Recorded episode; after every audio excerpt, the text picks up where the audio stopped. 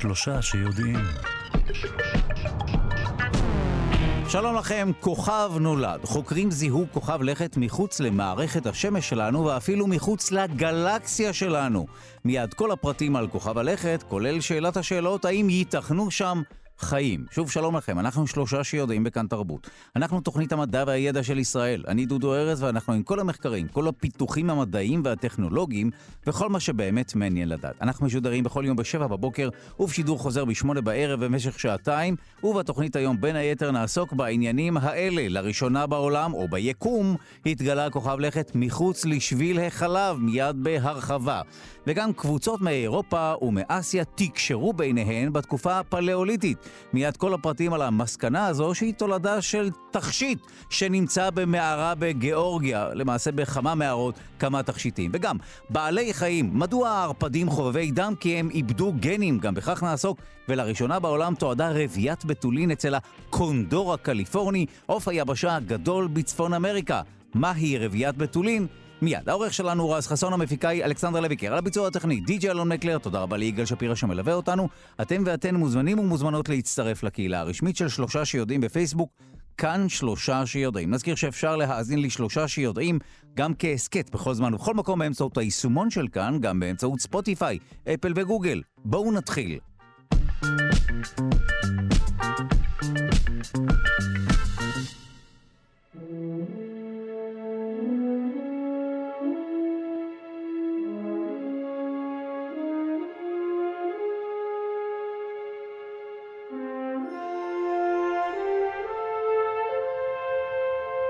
כוכב נולד. חוקרים זיהו כוכב לכת מחוץ למערכת השמש שלנו, אפילו מחוץ לגלקסיה שלנו, שביל לחלב. מדובר בחוקרים של נאס"א שהודיעו שהם גילו סימנים שמעידים על קיומו של כוכב הלכת החדש, לפחות עבורנו כמובן. מדובר בכוכב הלכת הראשון אי פעם שהתגלה מחוץ ל... לשביל לחלב. אנחנו שמחים לומר שלום לפרופסור עמרי ונדל, חוקר בכיר לאסטרופיזיקה במכון רקח לפיזיקה, האוניברסיטה העברית בירושלים. שלום.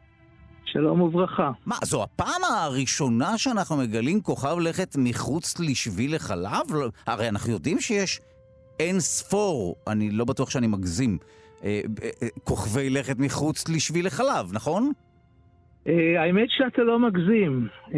לא מזמן התפרסמה כתבה על מספר כוכבי הלכת, או הכוכבים בכלל שיש ביקום, ובחישוב אה, די פשוט התגלה שמספרם גדול ממספר גרגרי החול בכל החופים של כדור הארץ.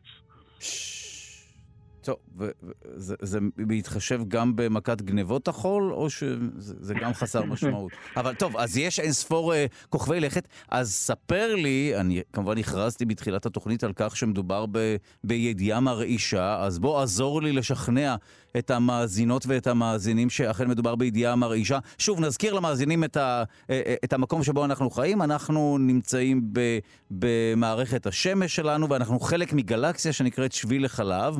שהיא ענקית, היא גדולה מאוד, ומחוץ ל, ל, לכל הדבר הזה יש עוד גלקסיות. איפה נמצא כוכב הלכת החדש?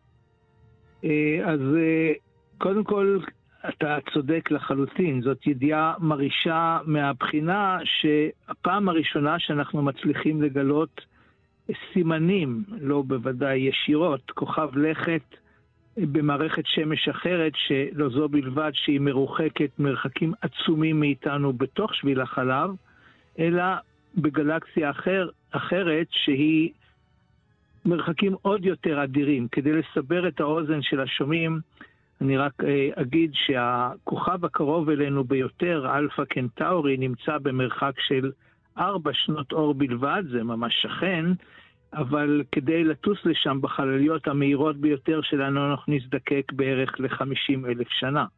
ו- וזה עדיין, אלפא קנטאורי הוא חלק משביל החלב? הוא הכוכב הקרוב אלינו ביותר, שהוא חלק משביל החלב, חלק. שגודלו גדול אה, עשרות אלפי מונים מהמרחק לכוכב הקרוב ביותר. וואו, אז, אז, אז זהו, אז בואו נדבר באמת על, על כוכב הלכת העוד יותר רחוק, מחוץ לשביל החלב, כמה הוא רחוק מאיתנו? אה, אז המרחק שלו הוא, אם אמרנו, ארבע שנות אור לכוכב הקרוב אלינו ביותר בתוך שביל החלב. הגלקסיה M51, גלקסיית המערבולת שבתוכה נמצא כוכב הלכת המדובר, מרוחקת 23 מיליון שנות אור. זאת אומרת שלאור, שהוא מהיר כמובן, 300 אלף, כ-300 אלף קילומטר בשנייה לוקח, עשרות מיליוני שנה להגיע, אז לנו זה כמובן ייקח הרבה יותר.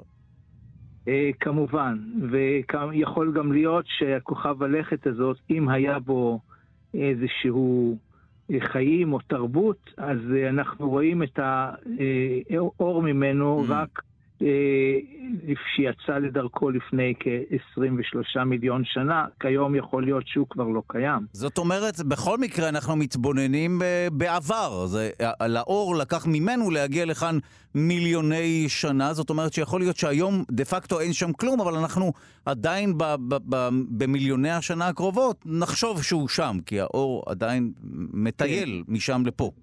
זה נכון, אבל uh, כדאי לדייק ולהגיד שאנחנו בכלל לא רואים אותו באור הנראה, אנחנו רואים אותו בניגוד לכל כוכבי הלכת שהתגלו עד עתה, שהתגלו באור נראה, תכף אני אסביר איך הם התגלו, אנחנו רואים את הכוכב הזה בקרני רנטגן. רגע, אז זו נקודה חשובה מאוד, כי באמת גם בידיעה עצמה, אה, הניסוח המדויק היה שגילינו סימנים שמעידים על קיומו. אז בוא ספר לנו מה הם אותם סימנים ומה זה אומר לגלות כוכב לכת באמצעות אה, אה, טווח התדרים הזה שנקרא קרני רנטגן.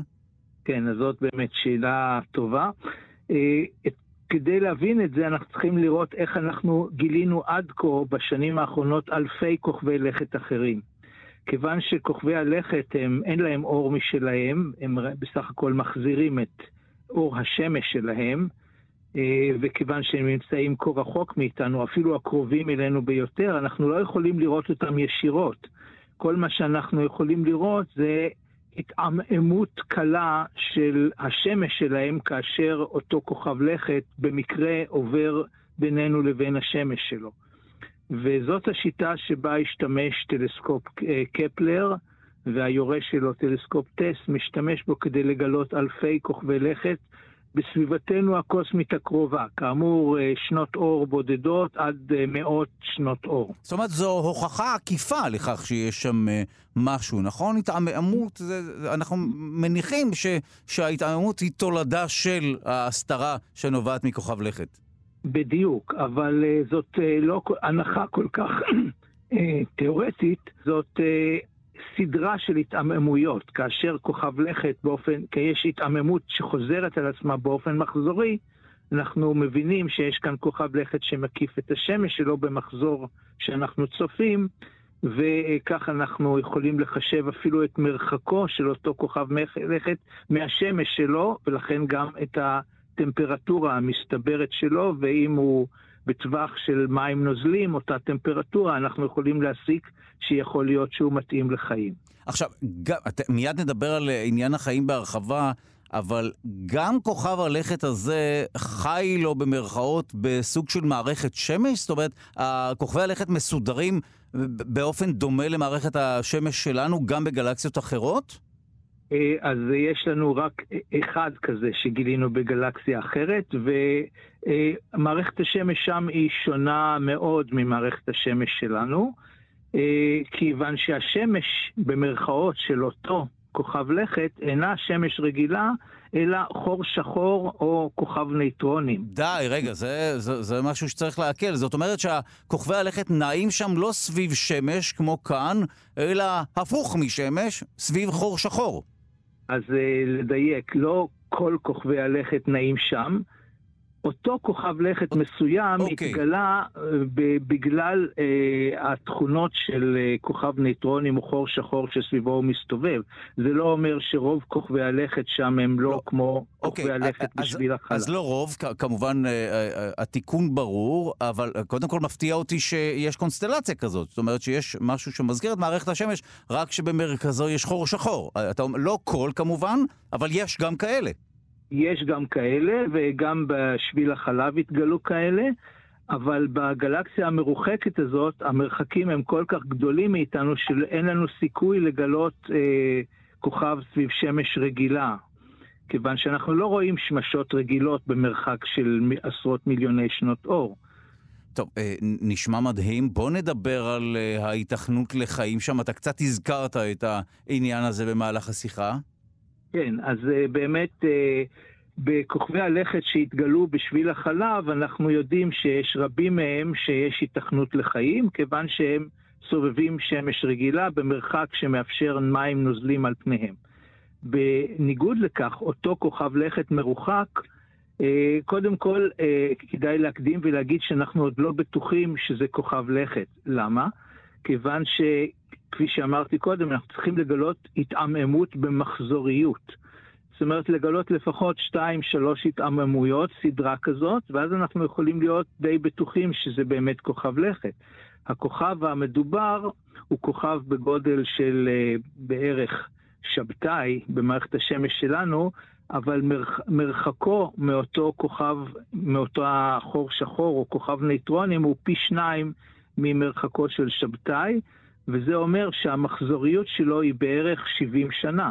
זאת אומרת, כדי לגלות את ההתעממות הבאה, אנחנו צריכים לחכות 70 שנה, ורק אז נוכל להיות בטוחים שבאמת מדובר בכוכב לכת ולא באיזו התעממות מקרית מסיבה אחרת. טוב, בואו לא נשמיט את הקרקע מתחת לאייטם, אחרת אה, לא נעים לי לבזבז את זמנם של המאזינות והמאזינים כמובן, אבל מה דעתך על עניין החיים? יש אה, סיכוי לכך שיש, או היו כמובן, שם חיים? אה, אז שוב פעם, זאת שאלה טובה, והשאלה אם היו שם חיים, ייתכן שהיו שם חיים. האם יש שם חיים כרגע או ברגע התצפית, זה יותר אה, בסימן שאלה, כיוון שכוכב נייטרונים או חור שחור נוצרים בהתפוצצות של סופרנובה. Mm. ולכן הכוכב המסוים הזה, גם אם היו בו חיים, אחרי תהליך ההתפוצצות של הסופרנובה, החיים האלה בטח לא שרדו. אז אה, שוב כמעט, לפחות ברמה התיאורטית.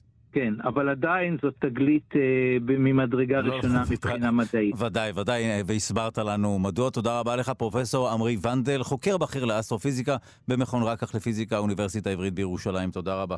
תודה לכם.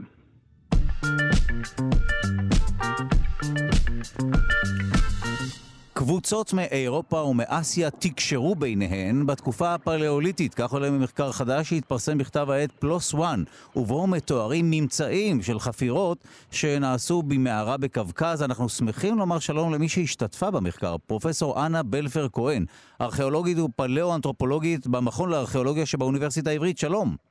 שלום רב. אנחנו נרצה לנצל את העובדה שאנחנו מדברים איתך כדי קודם כל ללמוד את מושגי היסוד של הידיעה ואז להבין את משמעותה. מהי התקופה הפלאוליטית? מתי זה היה? אז התקופה הפלאוליטית בעצם מכסה את כל uh, תקופת היות האדם עלי אדמות, ממשהו כמו 2.8 מיליון שנה ועד לפני כעשרת אלפים שנה. אה, תקופה מאוד ארוכה, כמו שאתה מבין. ממש, כן. אבל אה, יש כמובן תת אה, חלוקות, והמאמר עוסק ספציפית בחלק העליון של הפלאולית. ש... מה זה אומר עליון? מבערך 50 אלף עד באירופה כעשרת אלפים באמת, ואילו אצלנו חותכים את זה בסביבות 24 אלף, אבל אלה הם שיקולים מאוד uh, פרטניים.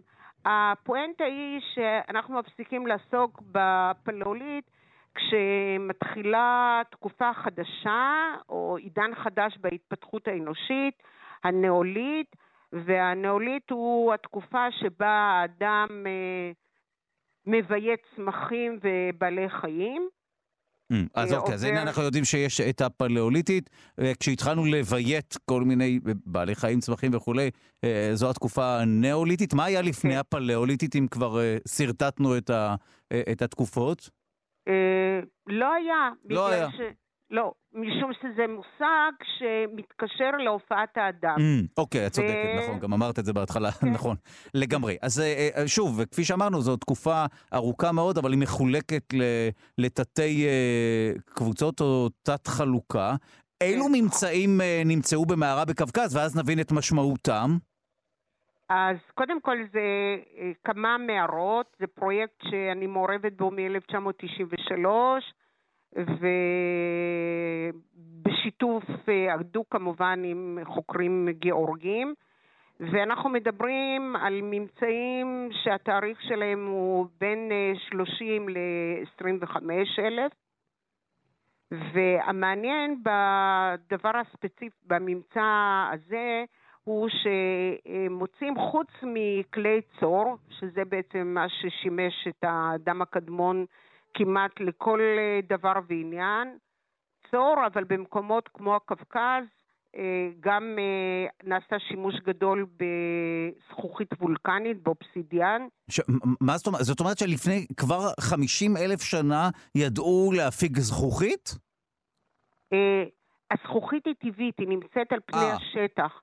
הזכוכית אובסידיאן, ואני לא נכנסת לפירוט יתר, גם בגלל שזה לא הזמן ואני גם לא הבן אדם, אה, אני רק משתמשת ב... אז זה לא חומר שצריך להפיק מחול וכולי, אלא זה משהו לא, לא, שנוצר לא, בטבע, כך. בדיוק. הבנתי. אה, אז זו זכוכית שנפלטת הראשונה בהתפרצות של הרי גז. אה, אוקיי. זה החומר שנפלט והוא כל כך חם, ובמגע שלו עם האוויר הוא הופך לזכוכית.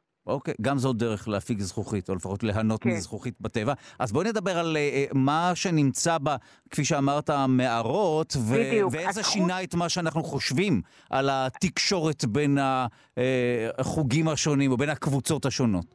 אז חוץ מהכלים האלה, מצור, מאבן, מאובסידיאן, הזכוכית הוולקנית, שהם אה, חפצים ששימשו אותם, את האדם הקדמון לצרכים הבסיסיים שלו, יש גם קישוטים. כנראה שאנחנו מאז ומעולם אהבנו להתקשט. והקישוטים עשויים ברובם משיניים, מקונכיות, מעצמות שמאבדים אותם בחריצות גדולה. אה, בשיניים למשל מחוררים חורים בשורש של השן, ואז זה משמש כטיליון. ושמנו לב שיש העדפה ברורה לסוג מסוים של שיניים, שיניים של אייל, האייל האדום, מין מסוים של איילים, ואלה הם גם שיניים מסוימות, לא כל השיניים של האייל, אלא רק השיניים המסוימות האלה. וההעדפה הזו לתכשיטים מהשיניים מתקיימת, מהשיניים המסוימות האלה, מתקיימת גם במערות שחפרתי בקווקז, בגיאורגיה, גם מהצד השני של הרי הקווקז, באתרים שנחפרו בצפון הקווקז, גם באירופה באותה תקופה, במערב אירופה, בצרפת, ואפילו אצלנו יש שלב קצר שבו אנחנו מוצאים ממצאים כמו אירופאים, כאילו הייתה הגירה מאירופה אה. אלינו שלא נקלטה. אז זהו, אז מה המשמעות של הממצא הזה? מה זה אומר, שזו הייתה אופנה שהתפשטה כן. בעולם? אה, כן, כן, שזה מאוד נחמד, כי זה מראה שמעבר לצרכים, אתה יודע, של צורך נפש, של קיום בסיסי, אה, הייתה גם העדפה לתחשות מסוים, והם בררו את זה. זאת אומרת, זה לא דברים שנמצאו אה, במספרים הגדולים ביותר. אני אתן לך דוגמה מספרית, כן? בתפריט המזון של האנשים באחד מהמערות בגיאורגיה, העצמות של האייל, כלומר, הוא מהווה, הוא, הם, האייל היווה רק שני אחוז מהתפריט. לעומת זה, כל התכשיטים היו עשויים מהשיניים של אותו אייל. וואו. זאת אומרת, זה לא, אתה מבין, זה לא שזה התגלגל על פני השטח והיה הכי הרבה ואז הם אה, לא היו צריכים לטרוח והתכופפו וליקטו את השיניים, אלא שזו הייתה בחירה מודעת. וואו, אז בואי נדבר על אה, מהות הקשר כפי שעולה כאן באמת מהתכשיט הספציפי הזה. מה לדעתך היה הקשר ואיך התנהל הקשר הזה בין קבוצות מאירופה לקבוצות האסייתיות? אז אני, להגיד לך בדיוק איך זה קרה, אני לא יודעת. אבל אנחנו חיים בעידן שבו אנחנו מניחים שאנחנו הראשונים והיחידים אה, שמתקיימים במה שנקרא כפר גלובלי. אני חושבת שזה נובע מזה שאנחנו גם סומכים על המהירות של הקשר. זאת אומרת, נראה לנו שזה חלק בלתי נפרד. אה, הקשר מתקיים כי הוא גם מהיר. ובאמת הדברים מתחלפים נורא מהר, ומה שקורה בארצות הברית, אה, הקרנת סרט, אה, זה מתרחשת כמעט בו זמנית גם אצלנו. נכון. ואנחנו נוטים אז לחשוב שבעבר, בגלל שהקומוניקציה הייתה מאוד איטית, אז זה לא היה. ומדברים על תופעות נפרדות ועל התפתחויות נפרדות. אבל כנראה שכל קצב החיים היה הרבה יותר איטי, וזה אנחנו יכולים לדעת אפילו, אתה יודע, מההיסטוריה. ודברים התפשטו בהתמדה והעבירו אינפורמציה. וזה נחמד לראות שהאינפורמציה הזו הייתה לא רק דברים שהיו חיוניים, אתה יודע, המציאו איזה כלי חדש שבעזרתו ניתן ללכוד יותר קל בעל חיים, אז זה היה צורך נפש, אלא גם uh, בדברים האלה של הקישוטים הייתה אופנה. אני יכולה לתת לך דוגמה אחרת. בבקשה. שהיא לא, שהיא לא מופיעה בתוך המאמר הזה, אבל באופן כללי היא מתקיימת. יש למשל פסלוני, אה, פסלונים אנושיים של נשים עם אברי רבייה, נגיד כך, מאוד מודגשים, חזה ענק וטוסי גדול ו... ערווה מודגשת, ואין פנים. עכשיו, זה סגנון, כי לדמויות האלה שעיצבו אותם, הלוא ברור שהם עיצבו אותם על פי דגם של אה, אישה, וברור שכל אישה היו לה גם פנים, אבל הסגנון אמר שלא, לא צריך פנים, להפך, לפעמים הדגישו מאוד דווקא את השיער. אז יש טלטלים טלטלים בקפידה, וזה עשוי על אבן ועל עצם, אבל אין פנים. ואתה מוצא את אותו הסגנון מספרד ועד סיביר. וואו. זאת אומרת, זה אותו סגנון, ב... אותו דבר, אתה מוצא פסלון כזה, אתה יודע שזה מהתקופה של הפלאוליט העליון, וזה יכול להיות פסלון מעצם שנמצא באתר בסיביר, וזה יכול להיות פסלון מאבן שנמצא באיטליה. פלאוליט עליון זה כן. אה, לפני אה, בין 50 אלף שנה ל-10 אלפים שנה, נכון? כן. זה כן. הקצה. כן. כן. טוב, אה, האמת שמרתק, ובני אדם לא מפתיעים בעניין הזה שגם דברים שהם לא הכרחיים, הם מופצים והופכים להיות אופנתיים בשלל מקומות. תודה רבה לך על השיחה הזו, פרופסור אנה בלפר כהן, ארכיאולוגית ופלאו-אנתרופולוגית במכון לארכיאולוגיה שבאוניברסיטה העברית. תודה. תודה לכם. כל טוב.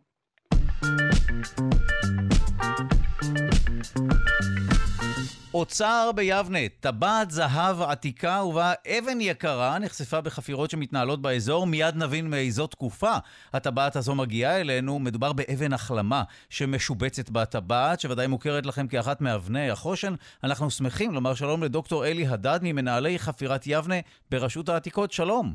שלום וברכה. לא סתם ממצא ארכיאולוגי, מדובר באוצר של ממש, גם טבעת וגם אבן שהיא יקרה, נכון? נכון מאוד, הטבעת הזאת היא קודם כל טבעת זהב בהשתמעות אה, מרהיבה, יפה מאוד, האבן הסגלגלה היא מאוד בולטת בטבעת, אה, כשאתה מסתכל עליה דרך קרני האור. הטבעת הזאת נמצאה אצלנו בחפירה, אה, ממש ממש לאחרונה, קצת לפני החגים. ואנחנו בעצם אה, אה, מודיעים לציבור שיש לנו תגליות אה, נוספות על היקב הגדול שנחשף גם כן השנה. זה חשוב לנו שבאמת מיד תרחיב על החפירות שם, שבמסגרתן גיליתם יקב. רק אם תוכל לספר לנו מעט, או לפחות ככל שאתם יודעים, על אותה טבעת, מאיזו תקופה היא, מי, של מי היא הייתה וכולי? יפה, אז הטבעת הזאת, שהיא טבעת זהב, לא כל אחד ענד אותה, מדובר על מישהו באמת עמיד אה, ורם מעלה, שכנראה ענד את הטבעת, אבל אה, יכול לענוד אותה גם איש וגם אישה. אנחנו יודעים, מכירים שגם אה, גם איש וגם אישה עונדים טבעות בתקופה העתיקה, והאבן הזאת, הטבעת הזאת, היא בדרך כלל יש דוגמאות לטבעות כאלה מהתקופה הרומית המאוחרת, ככל הנראה מהמאה השלישית לספירה, והיא כנראה מתקשרת אלינו שם לחפירה לאיזה מחסן שנמצא בסמוך למציאת הטבעת, שהוא מחסן מהמאה הרביעית לספירה. מחסן של קנקנים שנמצאו הפוכים, והמחסן הזה בעצם הוא מחסן מלאי לטובת היקב הגדול שכולנו כבר אה, מכירים, ויצא אז, אוקיי. יצא, יצא אז בוא תרחיב לנו מעט על היקב, נכון? החפירות עצמן, אה, אה, אחד הדברים הראשונים, זה שלמעשה גיליתם יקב עתיק שם. היקב העתיק הוא בקנה מידה עולמי, יש שם חמש גיטות ליין מהתקופה הביזנטית, שמתפרסות על שטח של 7,000 מטר רבוע, מערך מאוד מסודר של אזור תעשייה, עם אה, רחובות, שבילים ותעלות ניקוז ומחסנים אה, כשאתה צריך אה, לאצור את כל היין שנעשה בתוך היקב הזה. זה מפעל גדול שייצא יין לעולם העתיק, לאירופה, לביזנטיון.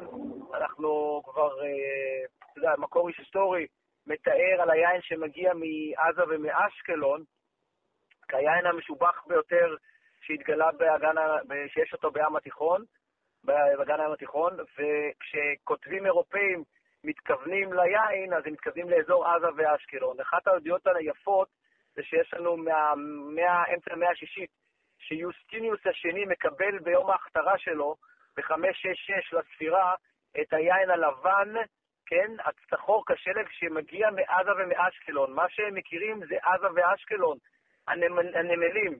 הם לא הכירו את יבנה. יבנה בעצם זה בעורף החקלאי, בעורף, מאחורי הקלעים, שהיא שם מייצרת את היין וגם מייצרת את אותם קנקנים, את אותם אמפורות, שאחר כך משנעים אותם, מביאים אותם לאירופה, אה, לשולחן הקיסר. אוקיי, אז אה, מה זה אומר שכעת באזור יבנה תהיה סוג של בהלה לזהב, ואנשים יגיעו לשם עם אה, מעדרים כדי לנסות ולגלות טבעות ואוצרות? חס וחלילה זאת לא המטרה. הבהלה לזהב כבר הייתה לנו לפני שנה, כשחטפנו את המטמון מהתקופה האסלאמית של 425 מטבעות, כן, mm. זהב mm. מהמאה התשיעית לספירה. שם באמת, uh, איך אומרים, אחר כך... Uh, הייתה בעלה לזהב, ובאמת אה, הגיעו... אה, עזוב. אוקיי, זה, זה כמובן אה, לא מעבר לסתם אמירת אה, אגב משעשעת. לסיום, מה אפשר ללמוד על המקום גם ממה שמצאתם ביקב וגם מהטבעת הזו? זאת אומרת, איך אתה רואה את מה שהתרחש שם באותה תקופה? אז אני, יופי, אז שאלה מצוינת. כל היקב זה, זה לא יקב פרטי, זה משהו עוצמתי, זה משהו ריכוזי, שלטוני. ובעלי משרות אה, שניהלו את היקב ושדאגו לכל ה, אה, מה שנקרא סרט נע של התעשייה הזאת, של היין, כנראה אחד מהם ענד את, אותו, את אותה טבעת באמת לא רחוק, היא עלתה 150 מטר ממצבור הגיטות הגדול, ליד המחסן הזה, ויכול מאוד להיות שזה קשור איכשהו לבעלי המשרה ש... שהיו שם. וואו, טוב, תודה לך על השיחה הזאת. דוקטור אלי הדד ממנהלי חפירת יבנה ברשות העתיקות, תודה רבה. בבקשה, תודה רבה.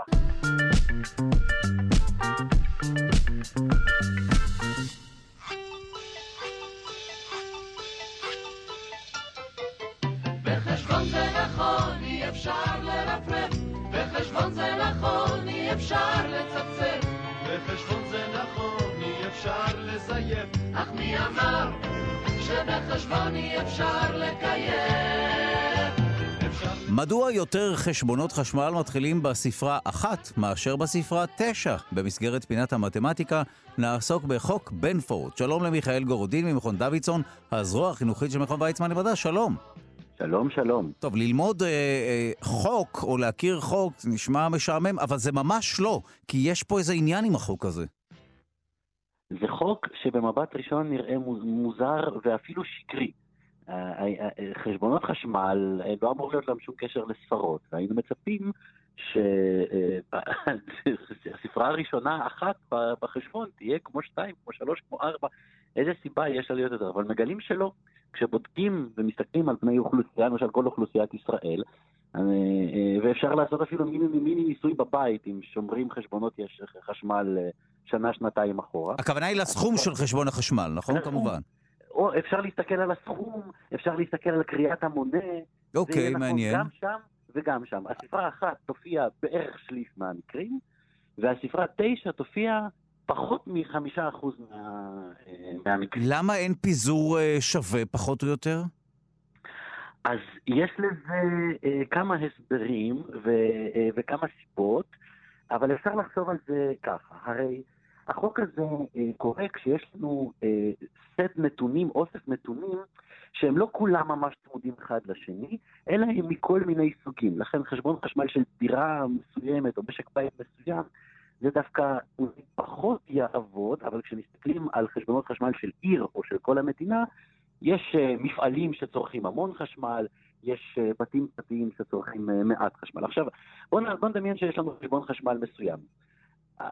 זה הרי, יכול להיות שזה יהיה החשבון כמו בפעם הקודמת או קצת, או קצת יותר. אז המפתח הוא בקצת יותר הזה. אם במקרה נפלתי על, אה, אה, אה, חשבון החשמל שלי היה 50 ומשהו שקלים. אם זה, אם, זה, אם, זה, אם זה יהיה קצת יותר, יכול להיות שאני אגיע ל-60 ומשהו, אולי, אולי אני אגיע ל-70 ומשהו. אה, אם זה היה, אם הייתי ב-70 אה, ומשהו שקלים, אז יכול להיות שאני אהיה ב-80 ומשהו, אולי, אולי ב-90 ומשהו. אבל אם אני ב-90 ומשהו, ואני בקצת יותר, עברתי כבר את המאה. ברגע שכבר עברתי את המאה, כדי לשנות את הספרה הראשונה, אני עכשיו צריך לעבוד הרבה הרבה יותר. אה, נכון, אוקיי, יש לזה ממש הסבר, נכון.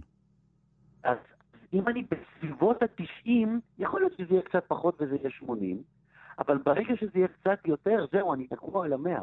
אם אני ב-110, אם החשבון החשמל שלי הוא בערך 110 שקלים, או קצת יותר. זהו, ספרת האחדות שלי היא אחד.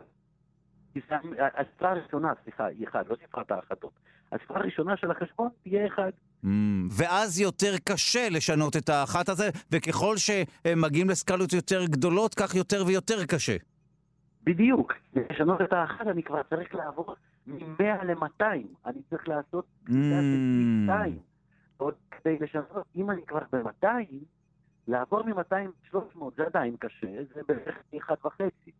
אם אני ב-800, לעבור מ-800 ל-900 זה כבר ממש כמעט אותו, אותו סדר גודל, זה הבדל, הבדל קטן. ולעבור מ-900 ל-1000 זה גם, זה, זה לא, זה, זה, באותה, זה באותה שכונה. ואז שוב אנחנו באותו מצב. ברגע שהגענו ל-1000, אני הופ, צריך להשקיע המון המון המון מאמץ כדי לעבור מה-1000 ל-2000. וואו, טוב, אה, אה, למה אנחנו צריכים את החוק הזה? על פניו נשמע, מה, מה זה, חוק סטטיסטי? זה משמש קוסמים? למה צריך את החוק הזה? אז מסתבר שהחוק הזה שימושי מאוד בגילוי אה, רמאויות ו- ושקרים. יש אה, חברות רואי חשבון ולפעמים גם אה, גופי מס ממשלתיים שמשתמשים למשל בחוק הזה כדי לגלות אם הנתונים שהוגשו היו מזויפים. כי כשמסתכלים על אה, פני חברה, ומסתכלים על קבלות של חברה, וקבלות יכולות להיות קטנות וגדולות, זה בדיוק מקבלת מאפיין הזה שלנו, שזה אה, כולל כמה סדרי קודם של מספרים, זה לא הכל אה, באותו, באותו אזור. הקבלות האלה צריכות להתנהג לפי חוק רף, הספרה הגדולה הראשונה במספרים של הקבלות שהחברה מגישה, צריכים להתפזר לא שווה בשווה בין הספרות, אלא בערך שליש מהקבלות להתחיל במספר אחד. וכבר אה, ראינו כמה פעמים שבני אדם מאוד לא טובים ב- אה, בלהמציא מספרים אקראיים שבאמת התנהגו כמו שמספרים אקראיים צריכים להתנהג. ואז כשחברה מסוימת על רמות והיא תפברק קבלות, יש סיכוי מאוד טוב שהם יעשו עשירית מהקבלות התחילו באחד, עשירית בשתיים, עשירית בשלוש, שיהיה שווה. שיהיה, שזה ייראה, שזה ייראה אקראי. כי זה באמת נשמע אינטואיטיבי, אבל זה לא כך. ושוב מסתבר שמה שנדמה לנו שהוא אקראי, ומה שנדמה לנו שהוא טבעי, הוא לא אקראי ולא טבעי, אלא מאוד מלאכותי, וכשהמספרים, וכשנותנים למספרים לגדול ולהתפזר באופן טבעי, הם מתנהגים אחרת לחלוטין.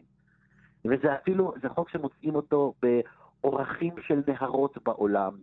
אה, אפילו כשמסתכלים על קבועים פיזיקליים, לוקחים את כל הקבועים הפיזיקליים מהמיקרוסקופיים ביותר ועד קבועים של החלל. המרחק מכדור הארץ לשמש, אה, אורכה של שנה בגלקסיה, המון המון קבועים אה, פיזיקליים. שליש מהם מתחילים בספרה אחד. אז אפילו היקום מציית לכללים שחלים על חשבונות החשמל שלנו.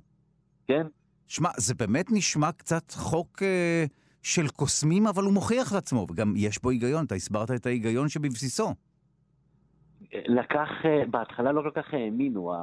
החוק הזה, עוד לפני בנפורד, גילה אותו אסטרונום בשם ניוקום, ששם לב שבאיזשהו ספר אסטרונומיה, העמודים, שהיה מסודר לפי מספרים של uh, תצפיות, העמודים הראשונים, יש בהם הרבה יותר טביעות אצבעות, הם מלוכלכים יותר. משום מה, אסטרונומים יותר חיפשו דברים שמתחילים בספרה 1 מאשר דברים אסטרונומיים שמתחילים בספרה 9. זה נראה לו מאוד מאוד מוזר, והוא פרסם את זה, אבל לא האמינו לו, זה נראה קוריוז, כי הוא לא הצליח למצוא הסבר. הוא רק שם לב שיש את התופעה הזאת, אבל הוא לא הצליח להבין למה זה קורה. רק כמה עשרות שנים אחר כך, אותו בנפורד אה, גם שם, לזה שוב, שם לב לזה שוב, גם נתן לזה הסבר, אז גם לעולם המדעי לקח, אה, לקח זמן, וזה פשוט לא נשמע אמין בהתחלה. שמע, אני מוכרח לומר שאתמול קראתי את הערך בוויקיפדיה, סתם ללמוד את זה, והצלחת להסביר טוב ממה שכתוב שם לפחות את ההיגיון שבבסיס החוק הזה, וזה באמת מה, מסוג החוקים שגורמים לנו לחשוב, זה לא סתם איזשהו משהו יבש במתמטיקה, אלא יש פה איזה טריק. זה, יש פה טריק שמפתיע, אבל כשמבינים קצת למה זה, זה מהדברים שפתאום אתה אומר, אה, כן, בוודאי. ברור שזה ככה, איך, איך אני לא חשבתי על זה? כן, אבל אנחנו כמובן תמיד גיבורים בדיעבד. תודה רבה לך, מיכאל גורדין ממכון דוידסון, הזרוע החינוכית של מכון ויצמן למדע. תודה. בשמחה.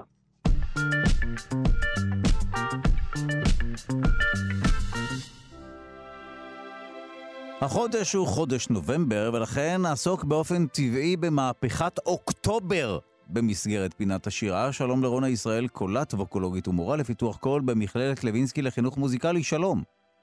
אה, כן, ובוא נראה באמת מה הקשר בין המהפכה הזו לפינת השירה. אז אה, אני קשרתי את זה להיסטוריה של אה, מקהלת הצבא האדום, שנקראת היום מקהלת אלכסנדרוב, וזה באמת קשור להיסטוריה של רוסיה הסובייטית, ולכן באמת מתאים לדבר עליהם בנובמבר, כדי לדבר על מקהלת אה, מהפכת אוקטובר, שהפער קיים בגלל שיש שני לוחות. נכון, אז שוב, המהפכה קרויה מהפכת אוקטובר, כי זה היה לפי הלוח היוליאני, ששימש נכון. אז את הרוסים, אבל זה לפי נובמבר. דצמבר שלנו, או הלוח נכון. הגרגוריאני, נכון? נכון? כן. אוקיי, אז, אז באמת, אה, באמת בואי ננסה להבין מה אפשר אה, להבין על המהפכה הזו, או ללמוד עליה, אה, אילו תובנות אפשר לחלץ בכל, מהשירה או ממקהלת הצבא האדום? נכון, אז באמת רק להזכיר שמהפכת אוקטובר הייתה מהפכת הבולשביקים שבראשות לנין תפסה את השלטון ברוסיה אחרי כמה עשורים של תסיסה וניסיונות הפיכה כושלים, ובאמת באוקטובר 1917 זה הצליח להם, ואז הייתה מלחמת אזרחים בין הצבא האדום הבולשביקי והצבא הלבן שהתנגד להם. ולמה זה חשוב? כי, למה התאריכים האלה חשובים? כי למעשה המקהלה, זו מקהלת הצבא האדום, הוקמה כגוף רשמי רק ב-1928, כלומר חמש שנים אחרי שהמלחמה נגמרה באופן רשמי, ואז הממשלה הקומוניסטית הסובייטית יכלה לבסס את עצמה ולהחליט איזה קול ואילו פנים תרבותיות הם יציגו לעם ולעולם.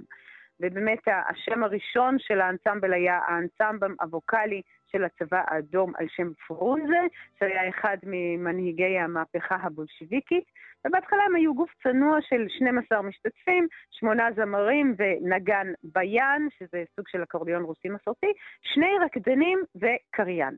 אה, והם פשוט נועדו, אה, הם צמחו מה, מהמסורת העממית, של השירה והריקוד כדי להשפיע דרך השירה והריקוד על התרבות המתהווה של אה, רוסיה הקומוניסטית. והמייסד המנצח האגדי שלהם היה אלכסנדר אלכסנדרוב, שכאמור על שמו הם נקראים מאז 1989, וכולם היו חיילים מגויסים בשירות הצבא ובשירות המדינה עם משמעת צבאית מתבקשת. אז בואו נשמע את אחד השירים שמזוהים עם המהפכה של אוקטובר 1917 ועם המקהלה עד היום, את הוורשביאנקה. בבקשה.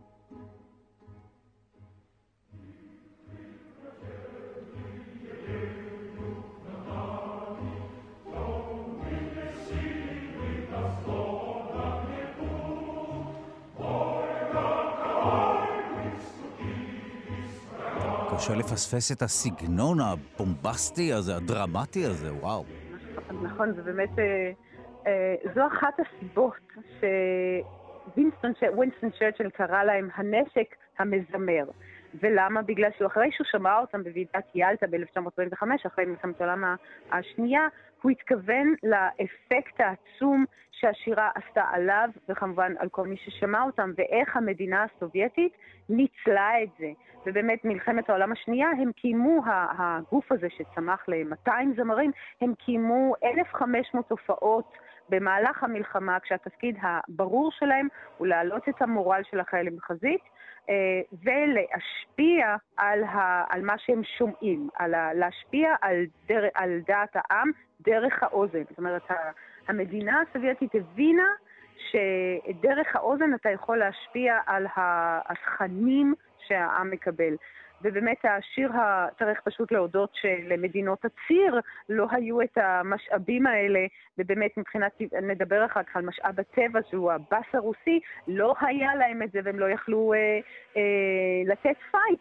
אה, למזלנו, אה, אבל אין ספק שהם היוו השראה להקמת הלהקות הצבאיות גם בארץ. זהו, שאפשר באמת ללמוד לא מעט על עם אה, מהלהקות הצבאיות, ממוסיקה צבאית. כן. כמובן שאני מוכרח להזכיר ציטוט שאני למדתי במסגרת שיעור דיני צבא, שמוסיקה צבאית היא מוסיקה כמו שמשפט צבאי הוא משפט, או ההפך. זאת אומרת, משפט צבאי הוא משפט. בדרך כלל יורדים על מוסיקה צבאית, כי כזו שהיא לא ממש מוסיקה אה, במובן הקלאסי, אבל כן אפשר להפיק ממוסיקה אה, הרבה מאוד תובנות על העם, על האופי של הצבא וכולי. אה, נכון, אתה באמת אה, מקדים את השאלה ש...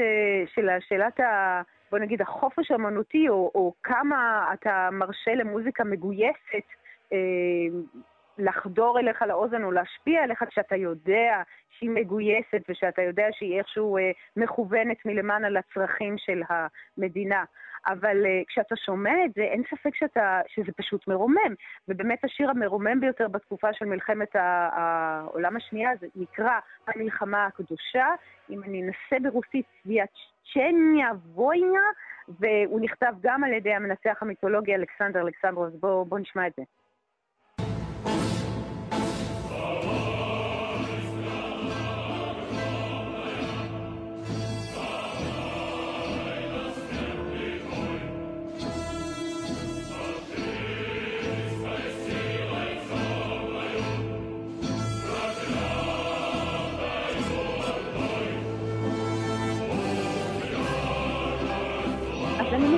לעצמי שאתה שומע את זה, וכשאתה בחזית, ואתה מקבל את המסר הזה מהבית, והמילים החזקות שאומרות, אה, תתרומם אה, ארץ אדירה ותילחם אה, עד המוות, תילחם נגד כוחות הפשיזם האפלים, אז אין ספק שזה פשוט מטעין אותך באנרגיה ואתה נאבק, כשאתה שומע את זה, זה בהחלט משמש למוזיקה מגויסת וזה אכן מגייס.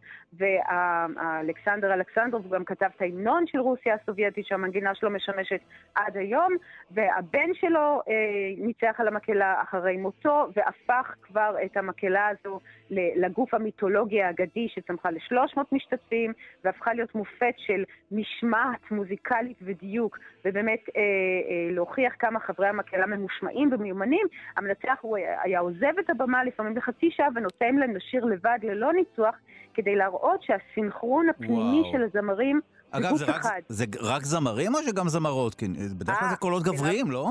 שאלה מצוינת. אז אה, באמת, אה, בוא נגיד שהחברה היום אה, מערערת תפיסות של גבריות מסורתית, אבל מקהלת הצבא האדום בהחלט משמרת גבריות מסורתית, הם עדיין מקהלת גברים בלבד, עם מדים נוצצים וקפדנים, אבל מבחינה ווקאלית, הרושם הזה של גבריות חסונה מושג בגלל שיש יותר בסים ובריטונים במקהלה מאשר טנורים, וזה מה שנותן את הנפח המרשים והצבע העמוק והייחודי, ואין ספק שהבס הרוסי הוא באמת משאב טבע, משאב טבע, והקטגוריה בפני עצמה, כי הכתיבה המסורתית הרוסית מנצלת את הצלילים העמוקים ביותר האלה שהבאס הרוסי מסוגל להגיע, ה basso profondo, וזה מה שיוצר את, החום, את הצבע המדהים הזה.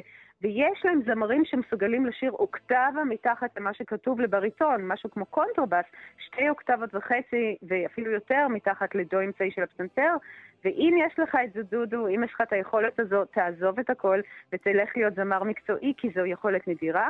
ועם ההשפעות ההורמונליות של העולם המודרני זה גם הופך להיות ממש יכולת נכחדת.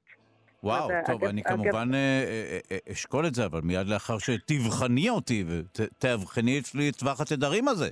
אני מאוד מקווה שיש לך את זה, זה, זה גם, כמו שאתה שומע, כמה זה מרגש אה, שיש לך את זה וכמה זה באמת מסעיר אה, פיזית שאתה שומע את הצבעים האלה.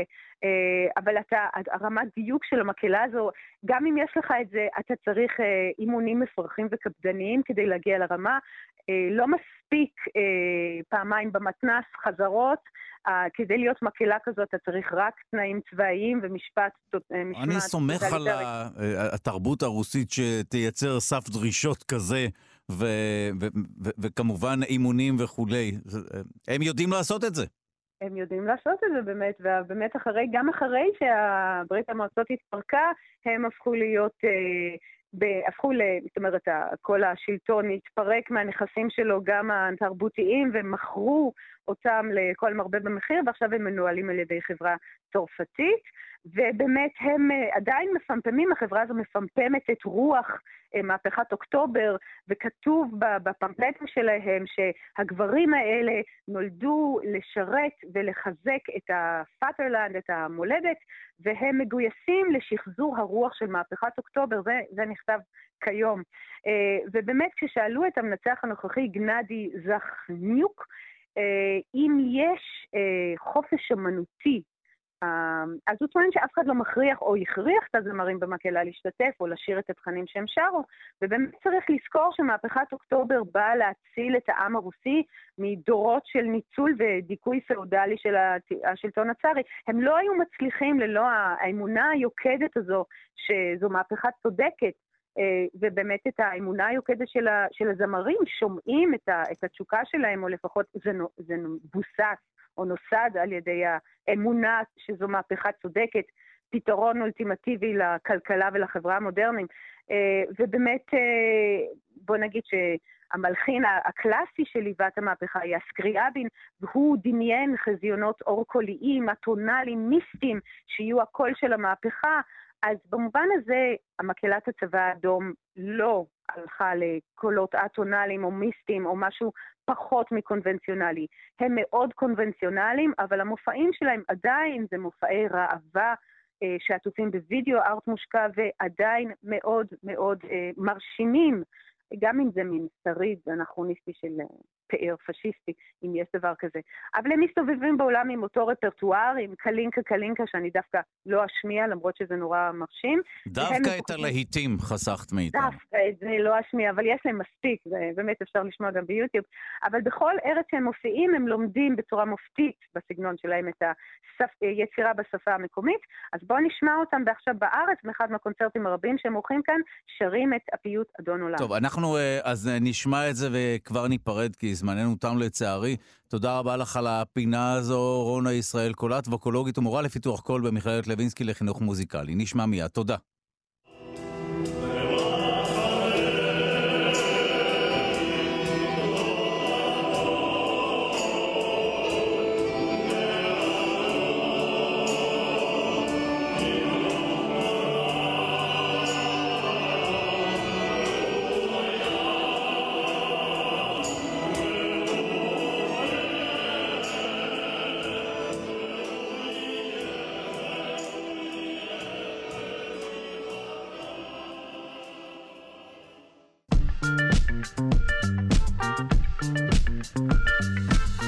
חופי הרחצה באשדוד, בתל אביב ובחיפה יוצפו וייעלמו כתוצאה מעליית פני הים, דבר שצפוי להתרחש בהמשך המאה הנוכחית.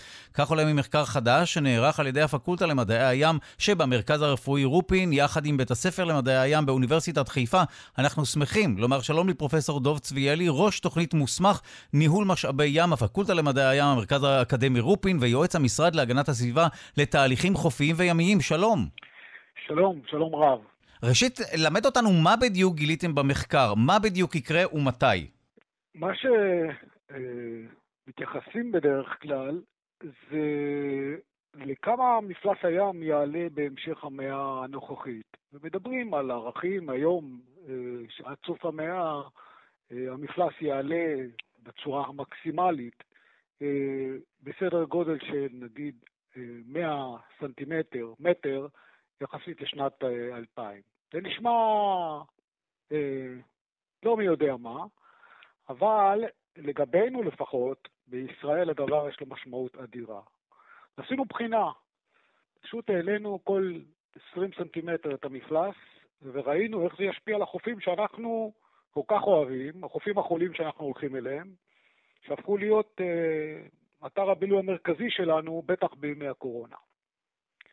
והתוצאות מראות שגם אם העלייה תהיה קטנה, בסדרי גודל של 40 סנטימטר, אנחנו הולכים לאבד אותם. אז זהו, אני רואה שמדובר ב... לפחות זה מה שכתוב בפרסומים סביב המחקר, 40 סנטימטר. זה מה שיהיה ה-game changer? זה מה שיטביע במרכאות או לא במרכאות את החופים? תראה, אה, אפשר לשבת על הגדר אה, ולחכות. וכשיקרה משהו, נעשה. אפשר להיערך אה, מראש ולהחליט כאשר תגיע אותה נקודת, אה, לזה משבר או מעבר שממנה והלאה פועלים, אז, אה, אז אה, עושים את כל ההשקעה ולא נגיד מהיום משנת 2021, נגיד יתחילו ב-2040, לצורך העניין. זאת אומרת שגם 40 סנטימטר מבחינתך זה, זה משהו שהוא דרמטי, אז בוא באמת נדבר על, האפשרות, על האפשרויות שפתוחות בפנינו להתמודד עם מצב כזה. האפשרויות שלנו הן כאלה. ראשית, אה, גם היום חופי ישראל, רובם צרים. צרים זה אומר שרוב רובם של החופים של ישראל היום, אולי 30 מטר במצב הטוב, אני מדבר על יום אה, שקט, כמו שהיה שלשום, אה, בלי גלים, תענוג, היית בא לחוף, רוב רצועה, נניח רחבה יחסית, 30-40 מטר, לא יותר. אבל ברוב השנה זה צר יותר, ומקומות בעיקר בשרון, אה, באזור הרצליה, אה, שפיים, יקום, וינגייט, דרום נתניה, עשרות קילומטרים, החוף כלום, יש פה 10-15 מטר. אתה מבין שזה לא יחכה ל-40 סנטימטר. אני מדבר על החופים שלנו, על חופים רחבים, כמו בתי ילד בתל אביב, כמו באשדוד, כאלה שהיום מאוד רחבים. אבל אז יהיה מלחמה על החופים. דעתי תהיה החלטה איזה חופים, אם בכלל, רוצים להגן עליהם ואיזה לא. המשמעות הכלכלית תהיה כבדה, ויצטרכו אה, פשוט לבחור אה, איפה אנחנו משאירים חוף חולי, אה, ואם לא, מה קורה לאחרים. האחרים יהיו אה, משהו דומה היום למה שיש בקפריסין אולי, מה שיש היום ב, ביוון ברוב החופים, אה, שבהם אתה יורד לחוף, אה, מחוף שהוא... אה, סלעי או תלול, ואין שפת ים חולית כמו שאתה מכיר אה, כיום, שמשחקים במטקות ועושים כדורעף חופים וכדורגל חופים ויושבים בכיסאות. אה, זה לא יקרה כי מפלס הים אה, פשוט יציף, ולדבר הזה צריך לצרף גם את הסיפור של סערות גלים קיצוניות, שכרגע לפחות על פי מחקרים שאנחנו עושים, אנחנו רואים שהתדירות שלהם עולה לפחות, גם אם לא הגובה, התדירות שלהם עולה אה, בעשרות שנים האחרונות, ושני הדברים האלה ביחד. אה, אה, אני, אני מעריך שבתקופה של... אה, אה, שנכדינו אה, הם כבר יראו את זה. עכשיו, שאלת השאלות היא מה גורם לעלייה הזו, או מה עשוי לגרום להצפה הזו? תראה, אנחנו אה, בעצם לפני כ... 20 אלף שנה היינו אה, בפעם האחרונה בתקופת קרח, אה, שבה מפלס הים היה אה, משהו כמו 120 מטר יותר נמוך מהיום. זאת אומרת, אם היית בתל אביב על החוף, היית צריך לנסוע 15 קילומטר מערב עד שהיית מגיע לקו המים. זה היה לפני 20 אלף. מאז המפלס טס למעלה, פשוט טס, ופחות או יותר לפני 4,000 שנה, המפלס הגיע פחות או יותר למצב שהיום. דומה מאוד, כלומר, מה שראה אה, דוד המלך, אם הוא היה בים, אז הוא ראה את הים של היום, סדר גודל. בתקופה של 4,000 שנה האחרונות, אה, המפלס אה, משתנה בקצב קטן, של פחות ממטר, עולה ויורד. בתקופה הראשונה שהמפלס עלה, פשוט כי הקרחונים נמסו. פשוט תוספת של מים מהקרחונים היבשתיים, בעיקר אנטארקטיקה, גרינלנד, משם רוב המים הגיעו. מה שקורה בתקופה האחרונה זה שהאוקיינוסים מתחממים. וועידת האקלים שמתקיימת עכשיו, על זה מדברים, זה לב העניין. האוקיינוסים מתחממים, ולמרות שהם בולעים, ובלעו 50% מה, מהטמפרטורה של כדור הארץ שהתחמם אה, לפחות במאה האחרונה, אה, זה עדיין לא מספיק, והטמפרטורה הזאת של התחממות האוקיינוסים גורמת להתפשטות שלהם, כמו שבתוך הקומקום, כשאתה מחמם קומקום, אז המים, מפלס המים עולה, בלי קשר, לא הוספת יותר מים. כלומר, המים אה, אה, עולים במפלס בגלל תוספת של אה, טמפרטורה. יש תוספת קטנה, אומנם מ, אה, מקרחונים יבשתיים, אבל לא, לא משמעותית. אה, עדיין אנחנו לא לוקחים בחשבון אה, אה, תופעות כמו הפשרה של גרינלנד, שלא נדבר על אנטארקטיקה, עם התוצאות שיקרה במקרה כזה. אבל עצם החימום עצמו הוא כבר משהו שגורם למים להתפשט ולמפלס המים לעלות. נכון, מדברים פה היום על סדר גודל של עלייה של מעלה בתקופות זמן שלנו פה. זה אומר אני כילד, אה, אני זוכר בחור, בחורפים, טמפרטורות מים של 16 מעלות, אולי 15, 16, זה היה סטנדרט היום. היום אתה מגיע לחורף בישראל, נדיר שהטמפרטורה יורדת ל-16 מעלות, בדרך כלל זה 17-18 מעלות. אה, יותר חם, שלא נדבר על הקיץ, שאנחנו מגיעים ל-32 מעלות, 31, 32 מעלות בקלות, אה, וזה גורם להצפה. אה, פשוט אה, מפלס הים עולה. קח בחשבון שאם אתה מכניס בפנים גם, בתוך המשוואה, גאות קיצונית, בגלל גורמי שמיים, אה, הכוונה היא ירח ושמש, באותו יום יש לך גם סערת גלים, באותו זמן יש לך...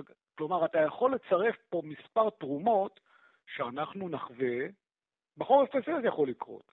הצפות, כמו שהיה לנו בחורף 91-92, שהקריות הוצפו, או כל שנה אנחנו מקבלים את זה בעיר אחרת. אתה רואה מה קורה פה. אז אפשר להגיד, תשמע, זה מין שמיים, במקרה היה פה איזשהו אירוע גשם והכול, אבל גשם לבד זה לא מספיק. זה גם גשם, ומצד שני, המים לא מתנקזים טוב. ואני מודאג היום ממה שקורה בירקון, שהוא סתום במוצאו, מפלס הים יעלה, צפון תל אביב, למרות uh, שהדירות uh, עולות שם הרבה, זה לא יעזור. כל האזור הזה יוצף. האזור של הירקון, אה, ואזור מפרץ חיפה, אזור מאוד רגיש. אז מבחינת האפקט, אה, אם המדינה תצטרך להתמודד, תצטרך לחסום את הירקון בצורה מסוימת, את הקישון בצורה מסוימת, אה, פשוט להשקיע כספים, קודם כל למנוע הצפות, ובחופים לקבל החלטות. החלטות, יכול להיות שההחלטה תהיה שאנחנו אה, אה, נשארים עם חופים חוליים רק בדרום. בזיקים, בניצנים, באשדוד אולי, אולי. אה, בצפון אנחנו לא נזכה לזה. כבר היום, אם אתה הולך לכיוון הגליל המערבי, אז אה, בחוף הגליל המערבי אה, אין חופים חולים כמעט. חוץ מחוף בצת בצפון, כל האחרים אתה נכנס בקפיצה מסלע למים. וככה יהיה. וואו, טוב, אה, אפוקליפטי, אבל אה, ככל הנראה ריאלי. תודה רבה לך, פרופסור דוב צביאלי, ראש תוכנית מוסמך ניהול משאבי ים, הפקולטה למדעי הים, המרכז האקדמי רופין, ויועץ המשרד להגנת הסביבה לתהליכים חופיים וימיים. תודה רבה. תודה רבה לכם.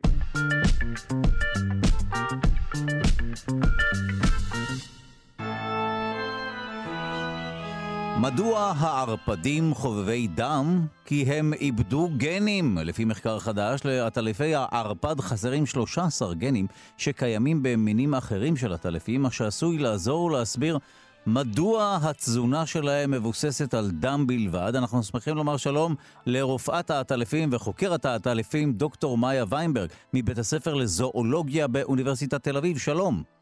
שלום, בוקר טוב. ראשית, אנחנו מדברים על ערפדים. אה, יש כאלה שחושבים שמדובר ביצור מיתי שלא קיים במציאות. יש עטלפים שהם מוצצי דם ולהם קוראים ערפדים, נכון? נכון. יש שלושה מינים כאלה באמריקה הלטינית, שלושה מתוך 1,436 מינים של עטלפים. כלומר, באמת מיעוט קטן מאוד. בטל בשישי מספר פעמים. אבל בהחלט יש שלושה מינים כאלה, הם אה, ניזונים מדם בלבד, שניים מדם של עופות, אחד מדם של אה, בקר וצאן, וזה החבר שעליו נעשה המחקר. הטלפים קטנים מאוד, כמויות קטנות מאוד של דם, וממש לא מבני אדם. זה כדאי להדגיש. זהו, ששמתי לב שבאמת לא הזכרת אותנו כקורבנות הטלפים האלה. אין מה לחשוש. תראה, ואני לא ממליצה להינשך על ידי הטלט כזה, כן? אמ, הם יכולים להעביר מחלות, הם יכולים להעביר כלבת, היו לזה דיווחים קודמים. אני מציעה לא להיכנס אה, למערות שהם ישנים בהם, ואם מסתובבים באזור של הטלפים כאלה, אז כן להתחסן לכלבת מראש. להזיק זה לא יזיק. אז אני מתקן את ההרגעה שלי. היזהרו, ערפדים מתכוונים לתקוף אתכם, יישארו בבתים והגיפו. הם לא, דודו, הם לא יתקפו, זה לא יפה, זה לא יפה. לא, לא, בסדר, אוקיי. הם מאוד פוחדים, אנחנו מדברים על בריאה של 30 גרם. אה, 30 גרם, יצור חמוד, אה, עם מערכת חיסון מופלאה. טוב, לאחרונה הם היו חשודים אה, מיידיים בנגיף קורונה, אבל אה, היו הרבה שיחות בתוכנית שלנו שהפריחו את העובדה נכון. שאנחנו זכינו לנגיף אה, לאחר ש... ש... הם גם לא אשמים בזה שאולי מישהו אכל וכולי אותם. אה, אבל בוא... כן, היום בבקשה. יודעים שלא יודעים, אני חייבת להגיד משפט שנסגור את הנקודה הכה-רלוונטית הזו עדיין. היום יודעים שלא יודעים מאיפה הגיעה הקורונה. לא יודעים, עד אוקיי. כדי כך. אז כן, בואי נדבר אולי באמת... אולי לא נדע אפילו, עד כדי כך. אז בואו נעזוב את העטלפים, יצורים באמת אה, מופלאים, יונקים, שאפים וכולי, לא טריוויאלי. נכון שנעשו הרבה סרטים וכולי, במיוחד על הערפדים, את אומרת שזה מדובר במעט מאוד מינים, אבל ככל הנראה הם סקרנו את היוצרים והיוצרות במהלך ההיסטוריה. בואי נדבר על ההבדל הגנטי בין הערפדים או עטלפי הערפד, ש... נהנים מדם, או לא רק נהנים, אלא התזונה שלהם מבוססת על דם, לבין עטלפים נכון. אחרים. מה, מה, מה הם אותם 13 גנים חסרים? אז, אז קודם כל זה יופיו של המאמר הזה, שעוד לא פורסם בכתב עת, הוא רק הונח באיזו במה מרכזית, שעליה מסמנים טריטוריה מדעית של היי, תראו מה גילינו ואל תעתיקו מאיתנו. בעצם הם גילו משהו שהוא יפה בפירוט שלו, אבל כמעט טריוויאלי והגיוני במהות שלו. בגלל שיש כל כך הרבה מינים של עטלפים, וזו סדרה כל כך מגוונת, כל מין או קבוצה של מינים תופסים לעצמם נישה. ובנישה הזו הם מתמחים. יש עטלפים של שני גרם ועטלפים של שני קילו, יש עטלפים שדגים דגים באקולוקציה, ויש עטלפים שאוכלים דם. מי שאוכל דם וההתמיינות הזו כנראה כבר נעשתה לפני, ואני זהירה בהערכה, עשרות מיליוני שנים, לא צריך דברים שמתאימים לקבוצות אחרים של הטלפים שאוכלים חרקים או אוכלים פירות. זו צורת חיים שונה לגמרי, נכון? למשל, מה הצורך בלהפריש אינסולין לעיכול רמה גבוהה של סוכר אם אתה רק אוכל דם? רמת הסוכר בדם נמוכה וקבועה בדרך כלל. מאידך, אם אתה צורך דם, יש בעיה של עודף ברזל, נכון? אדם mm. מכיל אה, המוגלובין, שהוא בעיקרו ברזל, וצריך להתמודד עם רמות מאוד גבוהות של ברזל שיכולות ועושות בעיות בצריכת יתר. אז החבר'ה האלה אה, מדגישים, אה, מדגישים גנים שיכולים לעזור להיפטר מברזל עודף. וזה ממשיך הלאה והלאה, הם ידדו יכולת של טעמים, כן? מה הטעם להבחין בין חמוץ למתוק למר, אם בכל מקרה כל מה שאתה צורך זה דם בטעם של דם. אמ, אז בעצם המחקר הזה מדבר על הגנים שנותנים להם ספציפיקציה, ייחוד, לנישה שהם אה, חיים בתוכה. לגבי עוד כל מיני חומרים, כמו למשל גליקוגן, שזה חומר תשמורת למי שצורך פחמימות, הוא יכול לאגור פחמימות לטווח רחוק בצורת גליקוגן בכבד, אם אינך צורך פחמימות כי אין כאלו בדם, דם הוא בעיקר מים וברזל וחלבון, אז, אז, אז גם... אז, אז מה, אין להם פחמימות? זאת אומרת, איך הם משיגים את האנרגיה? זו שאלה מצוינת בפני עצמה. התזונה שלהם באמת מאוד דלה. ומאוד ספציפית, והם מצליחים בכל מיני מעגלים ביוכימיים, אפשר לקחת חלבון ולפרק אותו לצורות אחרות אה, זמינות של אנרגיה, אבל יש לזה הגבלה חמורה, וזה אומר שהטלף שכזה חייב להיות ניזון באופן די רציף. זאת אומרת, מעל 48 שעות או, או עד 72 שעות הם לא יכולים יותר לשאת צום. בניגוד לעטלפים אחרים, כן, שיכולים לאגור שומן ואולי להיכנס אפילו לשנת חורף של חצי שנה. כתוצאה מזה, דווקא אצלם נצפו התנהגויות חברתיות פנומנליות, שבהם צעירים מאכילים מבוגרים בהעלאה והכאה של דם, אותם מבוגרים שהניבים שלהם כבר פחות חדים ופחות יכולים לאיזון, או גורים שאימם אה, לא נמצאת יותר ולא מצליחים להגיע למנת הדם שהם צריכים אליה. אה, ראו שזה קורה גם בין פרטים שלא קשורים אחד לשני משפחתית. זאת אומרת שלכאורה אין שום אינטרס או עניין גנטי לדאוג לתזונתם, כל מיני התנהגויות אולטרה חברתיות שאנחנו לא מכירים אה, ממינים אחרים של הטלפים וקל וחומר ממינים אחרים של יונקים. גם את ההתנהגות החברתית, התזונתית היפה הזאת, החוקרים מנסים להסביר באמצעות אה, איזשהו גן מסוים שחסר, שהוא אחראי על פירוק של איזה מטאבוליט בכולסטרול, שכנראה ברמות גבוהות מייצר איזושהי התנהגות חברתית גבוהה יותר. בסופו של דבר, הגנים האלה הלכו לאיבוד ואז הם סיגלו לעצמם את, ה... את אכילת הדם, את היכולת לאכול דם, או להפך? אני מניחה שזה קרה במקביל. אני אסייג את עצמי ואומר שאני לא גנטיקאית, וכל ההתנהגות הזאת של uh, סלקציה של גנים, שימוש ביתר ודחיקה החוצה של אחרים, זה לא אקספרטי שלי, אבל זה משהו שקורה בדרך כלל בהתמיינות אבולוציונית איטית, לפי צורך של שימוש, כן? ואנחנו מכירים את זה מתחומים אחרים אצלנו, כשאין לך צורך במשהו, אתה לא משתמש בחלבון הזה לאורך זמן, בגן הזה שמייצר לחלבון הזה, וזה הולך ונזנח עם הזמן. וכיוון שהם כל כך הרבה שנים מתמיינים למה שהם, עם הזמן הם איבדו גנים שאין בהם צורך, פשוט mm. הפסיקו להשתמש בהם, וכנראה עם השנים הפסיקו פשוט לעשות גם העתקה, רפליקציה שלהם. מעניין. טוב, מעניין. הגיוני, ת... טבעי, ת... נכון? גם אנחנו, זאת אומרת, אפילו אני לא יודעת מה, ובכל מישור אחר, שאתה לא משתמש בהתנהגות מסוימת, אז היא הולכת ונזנחת. ועל פני עשרות, מאות, אלפי, מיליוני שנים, זה נכון גם לגבי גנים.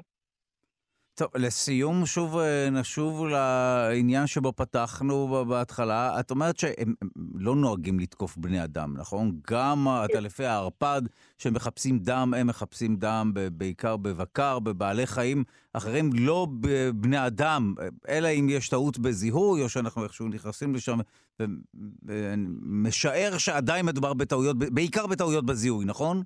בהחלט, בגלל שהם כל כך קטנים ואנחנו כל כך גדולים. אתה, אתה יודע, אולי בראש יש איזה image גדול ומפחיד שלהם. מדובר במשהו שהוא קטן מציפור שיר. אפשר לחשוב עליו כיתוש גדול יותר מאשר כציפור קטנה. גם כמות הדם שהיא צורך, ושהם צורכים, היא, היא, היא מעטה מבדיקת דם שאנחנו עושים בקופת חולים לצורך העניין. אולי אפשר לרתום הם... אותם באמת לטובת שירותי הבריאות, אה, שיקחו דם מאנשים תוך כדי שינה, בהנחה שהם כמובן לא ידביקו אותם בנגיפים שיחסלו אותם. בהנחה שהפציינט לא כן. יתעלף, דודו, כשהוא נכנס אה, למרפאת הקופה, זה הרי הפחד בראש יותר, יותר מפחיד ונורא מהמציאות עצמה. הם פוחדים מבני אדם, הם שומרים על מרחק מבני אדם, יש מספיק חיות משק אחרות להיטפל אליהם. חיית המשק שהיא ננשכת, פעמים רבות אפילו לא שמה לב כשהיא ננשכת אגב.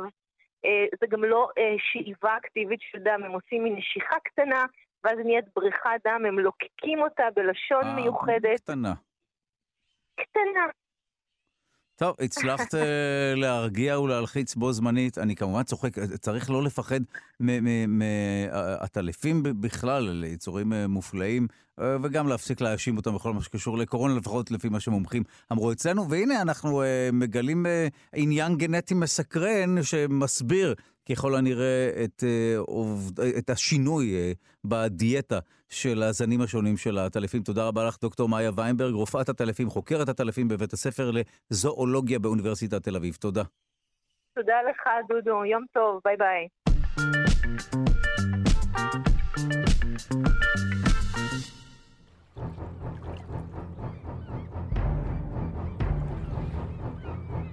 מדוע כרישים תוקפים בני אדם? בשאלה הזו עוסק מחקר אוסטרלי חדש. הסברה המקובלת היא שתקיפה כזו היא ככל הנראה תוצאה של טעות בזיהוי. המחקר מאשש את הסברה המקובלת. בדרך כלל אכן טעות בזיהוי. הדברים פורסמו ב-Journal of the Royal Society Interface. אנחנו שמחים לומר שלום למנהל תחום טורפי על בתחנת מוריס קאן לחקר הים, בית הספר למדעי הים על שם צ'רני באוניברסיטת חיפה ומנהל מרכז הדולפין והים של עמותת דלפיס, דוקטור אביעד שיינין. שלום. שלום, בוקר טוב, דודו. אנחנו רק אתמול דיברנו על אה, בין 20 ל-30 כרישים ששוחים להם באזור אה, חדרה וכולי. בוא נדבר על המחקר האוסטרלי הזה, שלמעשה מחזק או מאשש את הטענה שהם לא רוצים לאכול בני אדם. נכון מאוד. ניתן טיפה רקע. בבקשה. כמו שאנחנו אוהבים. אה, אז באמת המחקר התמקד באוסטרליה, ומחקר אה, מקדים לזה עשה אנליזה של 100 אה, שנות איסוף נתונים על תקיפות של כרישים. הם תיעדו, הם היה להם במאגר מעל 800 תקיפות, ומהם 630 התמקדו בשלושה מיני כרישים, שזה בעיקר האמלץ הלבן, גם כריש טיגריסי וכריש שורי. זאת אומרת, עוד שלושה מינים שהם ידועים כמינים יחסית תוקפניים. ומה שהם מצאו, שהם ניתחו יותר לעומק את התקיפות הספציפיות האלה, אז הם ראו שזה בעיקר קורה באזור של מוצאי נהרות, במים עכורים, שהם עשירים בנוטריאנטים, ובעקבות זה במזון שלהם, שהם טורפים מה שזה כלבי ים או בעלי חיים אחרים. אז זו התזונה הטבעית שלהם, כלבי ים, נכון? גם אריות ים וכולי. נכון. זה, זה הטרף שהם משחרים לו. נכון מאוד, והם ראו שהתקיפות האלה, רוב התקיפות, באמת מתבצע במים עכורים. ואז זה הוביל למחקר הזה שניסה אה, להבין אה, את תמונת, את התמונה שבה, שבה שהכריש רואה כאשר הוא נמצא אה, באזור שיש שם משהו, או בן אדם, או לחלופין הטרף שלו. ומה שהם עשו במחקר הזה, הם לקחו אה, מין צוללת קטנה תת-מימית, חיברו לה מצלמה, והסתכלו כלפי מעלה.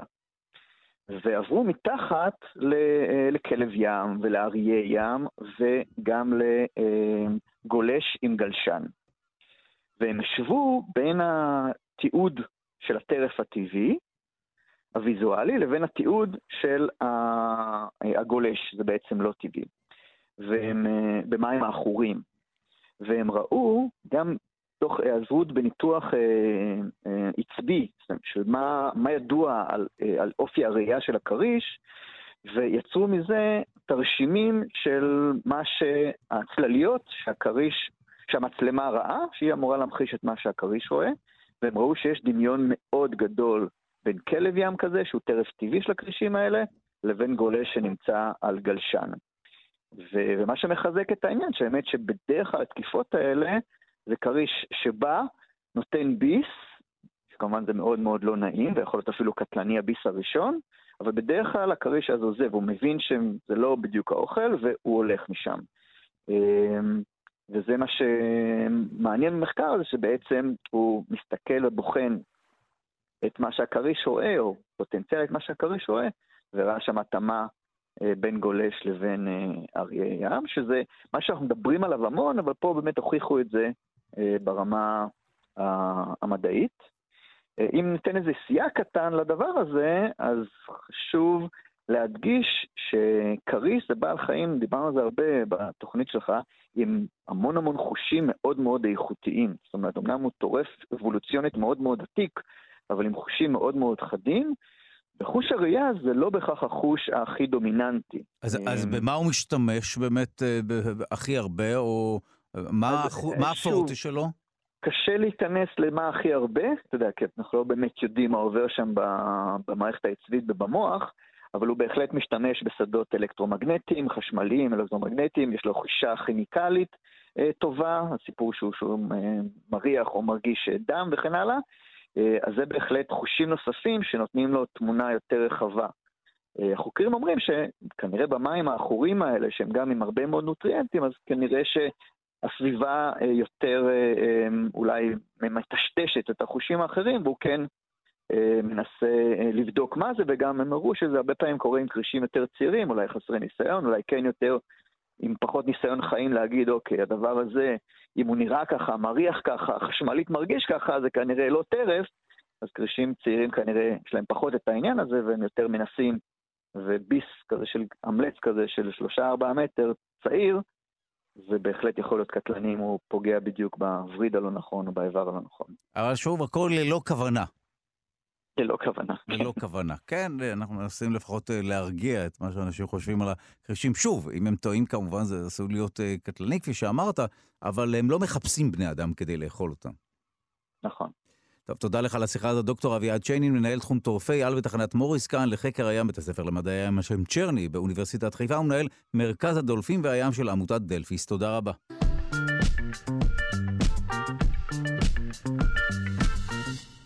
זכרים out, רביית בתולין in. לראשונה בעולם תועדה רביית בתולין בקרב הקונדור הקליפורני, עוף היבשה הגדול בצפון אמריקה. שלום לביולוגית ורד שפירא ממכון דוידסון, הזרוע החינוכית של מכון ויצמן למדע, שלום. שלום, שלום. רביית בתולין זה משהו שהוא מתחום הביולוגיה או משהו מתחום העל-טבעי? האם יכול להיות שיצור אה, יתרבה מעצמו? אז, אז כן, כי, כי, כי העניין הזה של רביית לא בתולין, זה בעצם משהו חדש יחסית מבחינת אבולוציה, הרבה יותר אה, חדש אה, לעומת רביית בתולין, כי, כי זה משהו שהוא יותר מתקדם, אתה צריך שני יצורים כדי ליצור יצור שלישי, וזה, אם תחשוב על אה, הצורה שבה חיידקים מתרבים, אז אין שם רבייה כל כך שהיא רבייה מינית, בעצם יש כאן חלוקה ויצירה של יצור מ, מיצור קודם, ככה גם תאים מתחלקים. אז העניין הזה של ליצור יצור חדש מתוך שניים קיימים, זה, זה משהו שהוא יחסית מתקדם, הוא יחסית חדש. אז, אז זה לא מפתיע ברמת הטבע, אבל אה, אה, גם בקרב יצורים כל כך אה, מפותחים, מורכבים, אני יכול להבין חיידקים, אוקיי. זה... נ, נכון, וכאן זה החידוש הגדול, כי בעצם אנחנו לא רגילים לראות את זה ביצור שהוא כל כך כל כך מורכב, ושאנחנו כל כך רגילים לראות אותו מתרבה בדרך הרגילה שאנחנו רגילים אליה. אז הסיפור הזה באמת הוא, הוא מעניין, כי הוא מתחיל בכלל בגן חיות. גן חיות בסן דייגו, הם עושים בדיקות מיפוי גנטיות לאוכלוסיית הקונדור הקליפורני, והקונדור הקליפורני זה, זו ציפור מאוד מאוד גדולה, היא יכולה להגיע למטר וחצי, עם מוטת כנפיים של שלושה מטרים ושוקלת משהו כמו תשעה קילוגרם, ובאמת, זה עוף גדול, והם אוכלים נבלות, יש להם גוף שחור וראש קרח ורדרד כזה, דומה לנשרים שאנחנו מכירים אצלנו. ולאורך השנים הם הלכו והתמעטו ולמעשה נעלמו מהטבע, עד שבסוף שנות ה-80 הכריזו עליהם כמין שנחד מהטבע ואין אותו יותר בטבע, כל הפרטים שהיו חיו בשבי, אבל התחילו איזשהו פרויקט רבייה שעשו אותו בגני חיות, ופרטים שחיו בשבי, שעשו שם גרעין הרבייה, ואת הפרטים שבקעו מהביצים שחררו במשך השנים לטבע, שהיום יש כ-500 פרטים של קונדור קליפורני, מתוכם כ-300 חיים בטבע ועוד כ-200 חיים בגרעיני רבייה בגני חיות, אבל בגלל שכשאתה עובד עם אה, אה, קבוצה מאוד מאוד קטנה של קונדורים בגרעיני רבייה, אתה רוצה כל הזמן לעקוב אחרי הגנטיקה שלהם. כי אתה רוצה שיהיה לך מגוון כמה שיותר רחב שנמצא בטבע, ואתה רוצה לעשות בעצם איזשהו ניטור של דרך הרבייה. אמ, ואז מה שהם עשו, הם לקחו, הם עשו איזשהו מיפוי לאחור, ולקחו ככה דוגמאות מפרטים של קונדורים שהיו להם במשך השנים, והתחילו לבדוק את הגנטיקה שלהם כדי לעשות מיפוי גנטי של הקונדורים שנמצאים היום בטבע ובשבי. ופתאום, כשהם עושים את הבדיקות האלה, הם מגלים למעשה ששניים מהקונדורים שהם ניטרו היו כאלה לא שהיה להם אה, אה, מטען גנטי שהוא חצי מאמא וחצי מאבא, אלא שהיה להם מטען גנטי רק של הורה אחד. די. כלומר, הם לא הם אה, מגיעים מאמא ואבא, אלא יש שם איזושהי ביצה שכנראה עברה הפריה לא על ידי זרע, אלא פשוט הצליחה להתרבות לגוזל. אני שוב אשאל איך זה יכול להיות. מבחינתי מדובר בנס והוכחה על קיומו של העל-טבעי והנה אנחנו מאחדים שידורים עם רשת כאן ניסים, הרשת שמוקמת ברגעים אלה, כן. אז, אז כן, אז, אז זה לא יהיה הלם מוחלט, אה, כי זאת כן תופעה שאנחנו אומרים שכן מתקיימת בטבע, זה נקרא פרטנוגנזה או רביית בתולים, כמו שקראנו לזה, וזו תופעה שקיימת בדגים, אנחנו רואים אותה בדופאים, בזוחלים וגם בפרוקי רגליים. ובגדול זה אומר שאם ברבייה מינית אנחנו צריכים איחוד של שני תאים שכל אחד מספק חצי מהגנום, אז כאן רק האימא מספקת את החומר התורשתי, ויש כל מיני רמות של רביית בתולין, או שכפול מושלם, שזה ממש, בדרך כלל נוצרות שם צאצאיות, שהן שכפול, ממש שיבוטים של האימא, אמ, אבל זה לא המצב כאן, כי אנחנו מדברים על שני זכרים. אז זה מצב שבו בעצם החומר התורשתי שלהם עובר איזשהו ערבוב עם עצמו, אמ, ויוצר פרטים שהם לא לגמרי זהים לאימא. זה מצב שנקרא אוטומיקסיס, כלומר איזשהו ערבוב עצמי. שזה עוד יותר מדהים אפילו. נכון, וככה באמת זה גם מסביר לנו למה שני הפרטים הם היו זכרים. עכשיו, אם שנייה נעזוב את הקונדור ונדבר על אבולוציה, אז חייבים לשאול באמת מה היתרון של הדבר הזה. אה, כי... האם יש טעם לשאול? בוודאי שיש יתרון.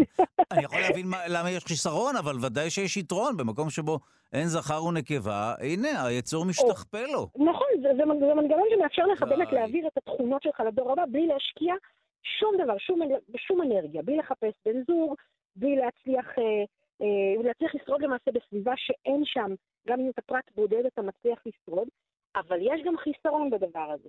כי אם כל הפרטים דומים או זהים, זה לא בריא, זה לא בריא כי הם כולם פגיעים באותה מידה. ולכן בהרבה מינים יש אה, רביית בתולין, אז מתקיימות הרבה פעמים שתי השיטות. כלומר, כשיש לי אפשרות להתרבות ברבייה שהיא רבייה מינית, כשהאוכלוסייה יש בה הרבה פרטים והתנאים הם נוחים, אז משתמשים ברבייה הרגילה, ברבייה מינית. אבל כשאוכלוסייה מצטמצמת והתנאים נהיים קשים, אז נשלף ככה הקלף הזה של רביית בתולים, וזה איזשהו מנגנון גיבוי. ומה שהיה מעניין זה שבהרבה מבעלי החיים שאנחנו יודעים עליהם שהם מקיימים רביית בתולין, אז זה באמת מנגנון שהוא מתגלה דווקא כשהם נמצאים בשבי, בגני חיות. ואז גילו ככה את אה, דרקון הקומודו, שפתאום אחרי המון שנים שדרקונית הקומודו לא פגשה זכר, פתאום די. היו צאצאים. ו... אבל כאן החוקרים בעצם שאלו את עצמם את השאלה, בגלל שאנחנו מדברים כאן על גרעין רבייה ועל מין שמנסים להשיב אותו לטבע, אז הם שאלו איך זה משפיע על, ה, על השרידות של הפרטים. כי אה, הרבייה הזאת, שיוצרת, אה, אה, אה, אם ברבייה מינית אנחנו יוצרים צאצאים עמידים, אז, אז, אז איך, מה קורה ברביית בתולים לעמידות של המין? ואנחנו יודעים, למשל מרביית בתולין שמתרחשת אה, בתרנגולי הודו, שיש, שהצאצאים שנוצרים בפרטנוגנזה, ברביית בתולין, הם נוצרים ככה קצת אה, חלשים יותר, mm. אה, לפעמים עם עיוותים בשלד, לפעמים הם נוצרים עם הזכרים עם ספירת זרע מאוד מאוד נמוכה. כלומר, זה לא יוצר יצור שהוא עמיד יחסית. אז הם רצו לבדוק את זה, ושני הפרטים שהתגלו ככאלה שנוצרו ברביית בתולין, באמת גילו שהם היו קטנים יותר. אה, אחד מהפרטים שרד רק שנתיים בטבע אחרי שהוא שוחרר לטבע, והפרט השני היה באמת עם עיוותים בשלד, אבל זה כן מאפשר איזשהו סיכוי. כי אם הפרטים האלה, הפגועים, בכל זאת מצליחים להעמיד צאצאים ברבייה מינית, אז הנזקים האלה בעצם אה, עוברים איזשהו תיקון בדור הבא, בערבוב עם גנים שהם גנים עמידים יותר. והם נתנו דוגמה למקרה כזה בנחשי פיתון, שנוצרו ברביית בתולין עם פגיעות בשלד, וכשהם העמידו צאצאים בשבי ברבייה מינית אחר כך, אז הם יצרו צאצאים שהם היו בריאים. וזה כרגיל מראה לנו שבאבולוציה זה לא הכי חשוב ליצור יצור שהוא הכי עמיד והכי מוצלח והכי, והכי אה, אה, חזק, אלא למעשה אתה, זה איזשהו קלף שמאפשר לך סיכוי של אה, למשוך ככה את, ה, את התקופה הקשה הזאת עוד קצת, ובהמשך, כשתתאפשר רבייה מינית, אז הנזקים האלה למעשה מתקנים את עצמם, וזה מאפשר איזושהי המשכיות למין. טוב, לסיום, אה, האם תיתכן רביית אה, בתולין אה, בקרב בני האדם, מה שיסייע לנו לשרוד במקומות שבהם אין זכרים? אז התשובה כרגיל היא לא, אבל עובדים על זה. כי למעשה אנחנו לא מכירים רביית בתולין ביונקים בכלל. Mm. אנחנו לא מכירים את זה. אבל זה כן משהו שעובדים עליו, כי זה משהו שהוא, קודם כל כי הוא מנגנון מרתק. ניסו בעבר לעשות את זה עם ארנב, ארנבים למשל. אה, הכוונה היא זה פשוט לשכפול. כן, ממש לשכפול. שכפול אנחנו כן יודעים לעשות בצורה של הנדסה גנטית, אבל ממש לשחזר את המנגנון הזה כמנגנון שיצורים חיים משתמשים בו, אנחנו עוד לא שם. טוב, אבל כמובן שאם משהו ישתנה, המשיכי לעדכן אותנו בתחום רביית הבתולין בקרב בני אדם. תודה רבה לך, הביולוגית ורד שפירא. ממכון דוידסון, הזרוע החינוכית של מכון ויצמן למדע. תודה. תודה.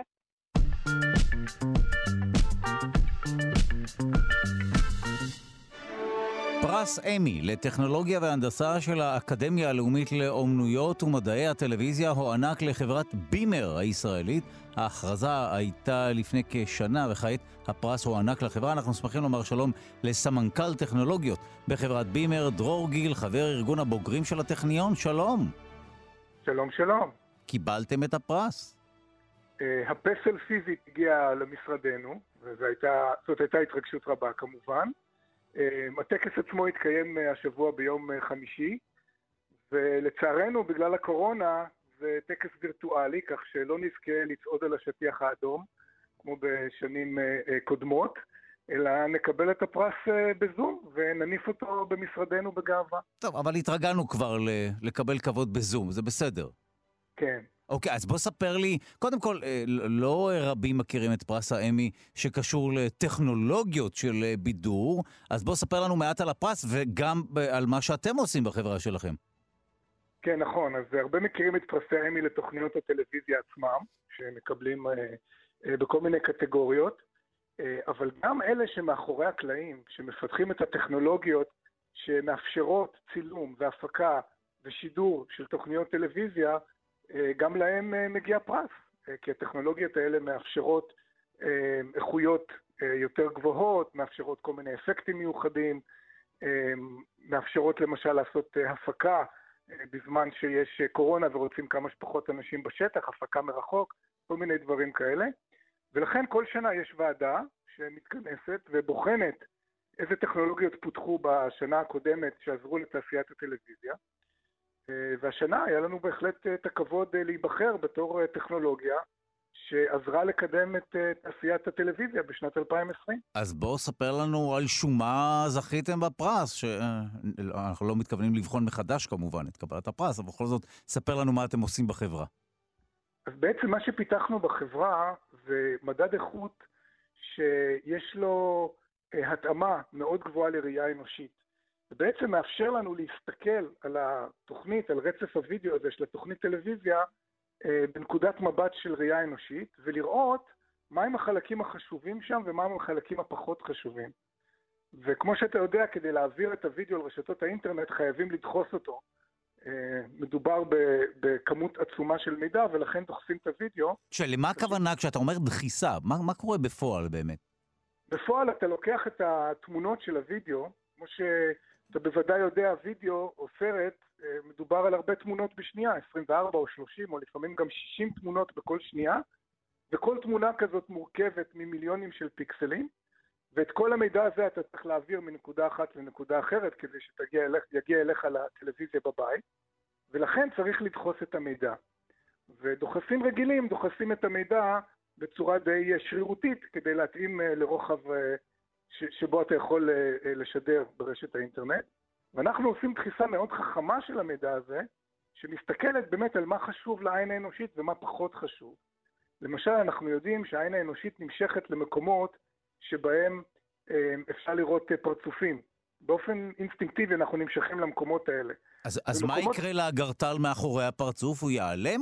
הוא לא ייעלם, אבל אם נטשטש אותו אף אחד לא ישים לב. Mm. ולכן אנחנו יודעים לראות כמה הדחיסה שעושים פוגעת באיכות, איפה היא פוגעת ואיפה היא לא פוגעת. ובמקומות שהיא לא פוגעת, אנחנו יכולים לדחוס יותר מהמקובל, ועל ידי זה לחסוך ביטים. וכשאנחנו חוסכים ביטים בשידור של הוידאו באינטרנט, הוידאו הזה יכול לעבור בצורה יותר חלקה ממקום למקום. למשל, אם אתה בממ"ד ואין לך קליטה טובה, הרי הדבר הכי מעצבן זה שפתאום הוידאו נתקע ואתה רואה את העיגול המסתובב הזה ואתה מחכה שהוא יתחדש. אז כשאנחנו מורידים את הנפח של הוידאו זה קורה הרבה פחות, בגלל שהווידאו הוא יותר קל משקל ויותר קל לו לזרום גם ברשתות שהרוחב שלהם הוא מוגבל. יבוא יום ולא נצטרך לדחוס בכלל שידורי וידאו, כי אפשר יהיה להעביר המון מידע באמצעות ה-5G וכולי? לצערנו, הגידול בנפח התעבורה שאפשרי ברשתות על ידי 5G וטכנולוגיות אה, של פס רחב, ברודבנד, גיגה ביטים וכולי, אה, הרוחב הפס באינטרנט מתקדם בקצב הרבה יותר נמוך מכמות הוידאו שצריך להזרים ומהאיכות של הוידאו.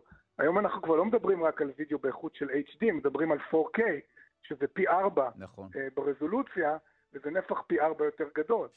והרבה יותר וידאו זורם על הרשתות, פחות על הכבלים והלוויין ויותר על רשת האינטרנט שנעשית עוד ועוד עמוסה.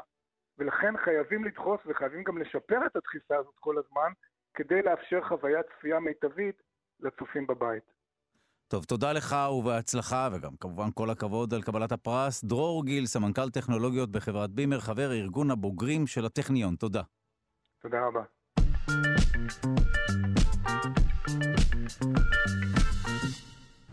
ובמסגרת פינת הארכיאולוגיה נעסוק בפרשת רצח מלפני חמשת אלפים שנה, שהפכה לחידה ארכיאולוגית ומאפשרת לנו היום להכיר טוב יותר את האוכלוסייה הקדומה של אירופה. באותה תקופה כמובן שלום לפרופסור גדעון אבני, המדען הראשי של רשות העתיקות. שלום. שלום, בוקר טוב. באיזה רצח מדובר? אה, כן, זה ממש פרשה בלשית שפתאום הופכת לנושא ארכיאולוגי.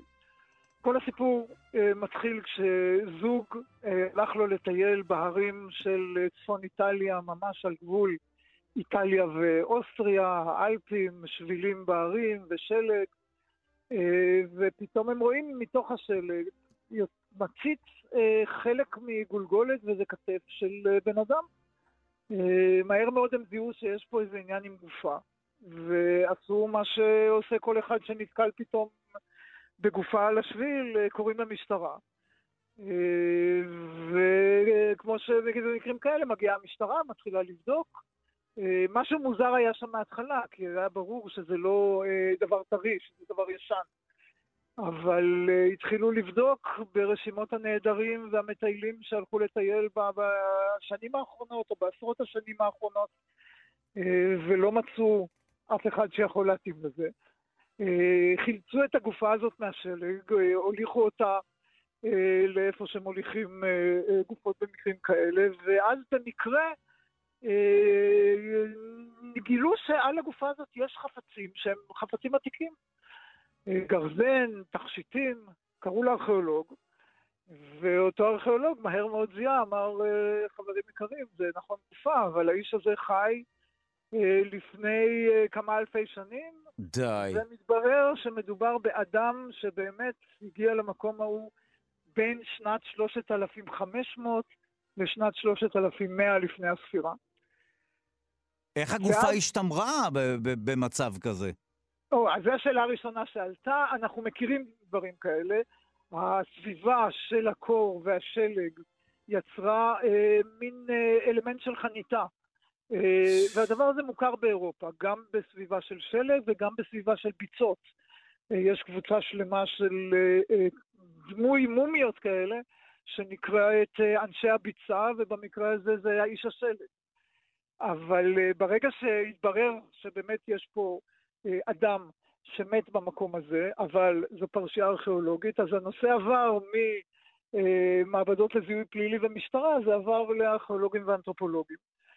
וההפתעה השנייה אה, אה, עלתה כשהתחילו לחקור את הגופה הזאת והתברר שהבן אדם הזה לא סתם מת, אה, מצאו חץ תקוע אה, באזור החזה שלו, מצאו אצלו אה, פצעים שנגרמו מחבלות, מסכינים, אה, וכך הגיעו לפרשה של איש שנרצח באלימות.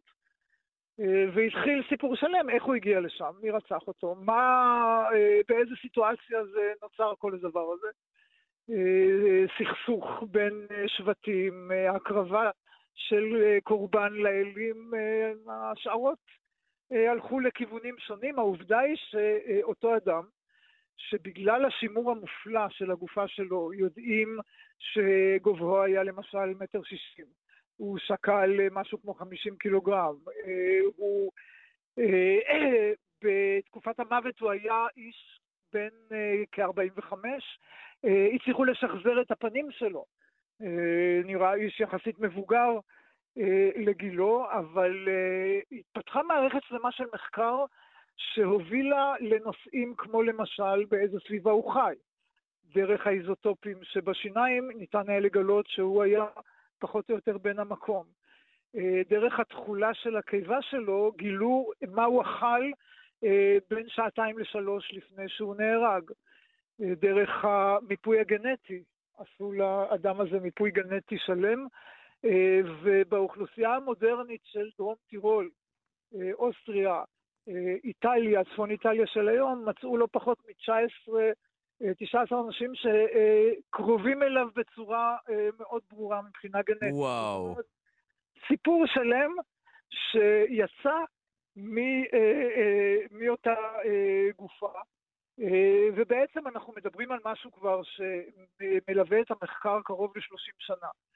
המחקרים נמשכים על אותו איש שאפילו זכה לכינוי אוצי, איש השלג, אוצי זה שם הסביבה שבה אה, מצאו את הגופה. אה, עשרות מאמרים כבר אה, נכ, נכ, אה, נכתבו על הנושא הזה.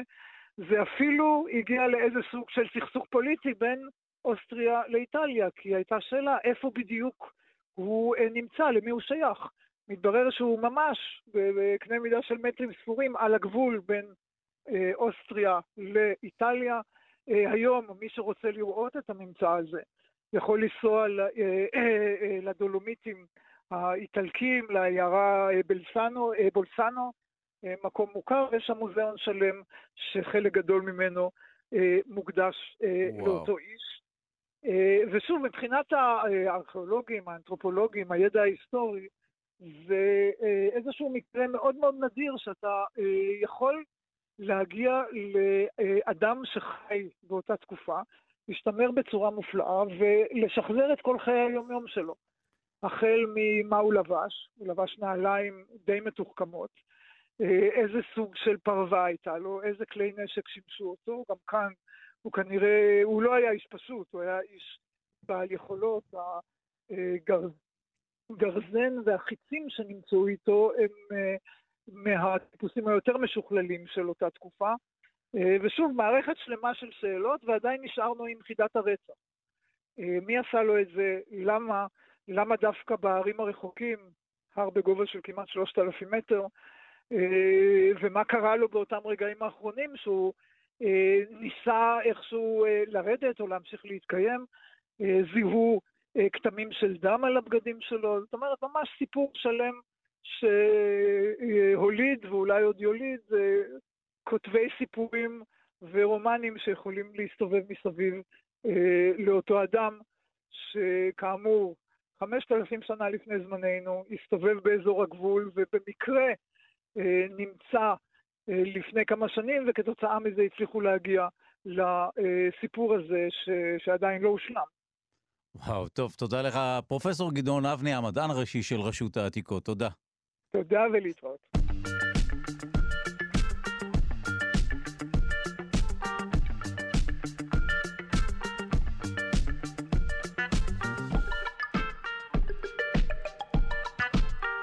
אנחנו סיימנו את התוכנית להיום, נספר לכם מי עמל על המשדר, העורך שלנו הוא רז חסון, המפיקה היא אלכסנדרה לויקר, על הביצוע הטכני די.ג'י אלון מקלר, תודה רבה ליגאל שפירא שמלווה אותנו. אתם ואתן מוזמנים ומוזמנות להצטרף לקהילה הרשמית של שלושה שיודעים בפייסבוק. כאן שלושה שיודעים. נזכיר שאפשר להאזין לשלושה שיודעים גם כהסכת בכל זמן ובכל מקום באמצעות היישומון של כאן, גם באמצעות ספוטיפיי, אפל וגוגל, שיהיה לכם יום נעים ושקט, שמרו על עצמכם. רק פידו על עטיית מסכות, גשו להתחסן. מחר שלושה שיודעים תוכנית מיוחדת לחג הסיגד. להתראות.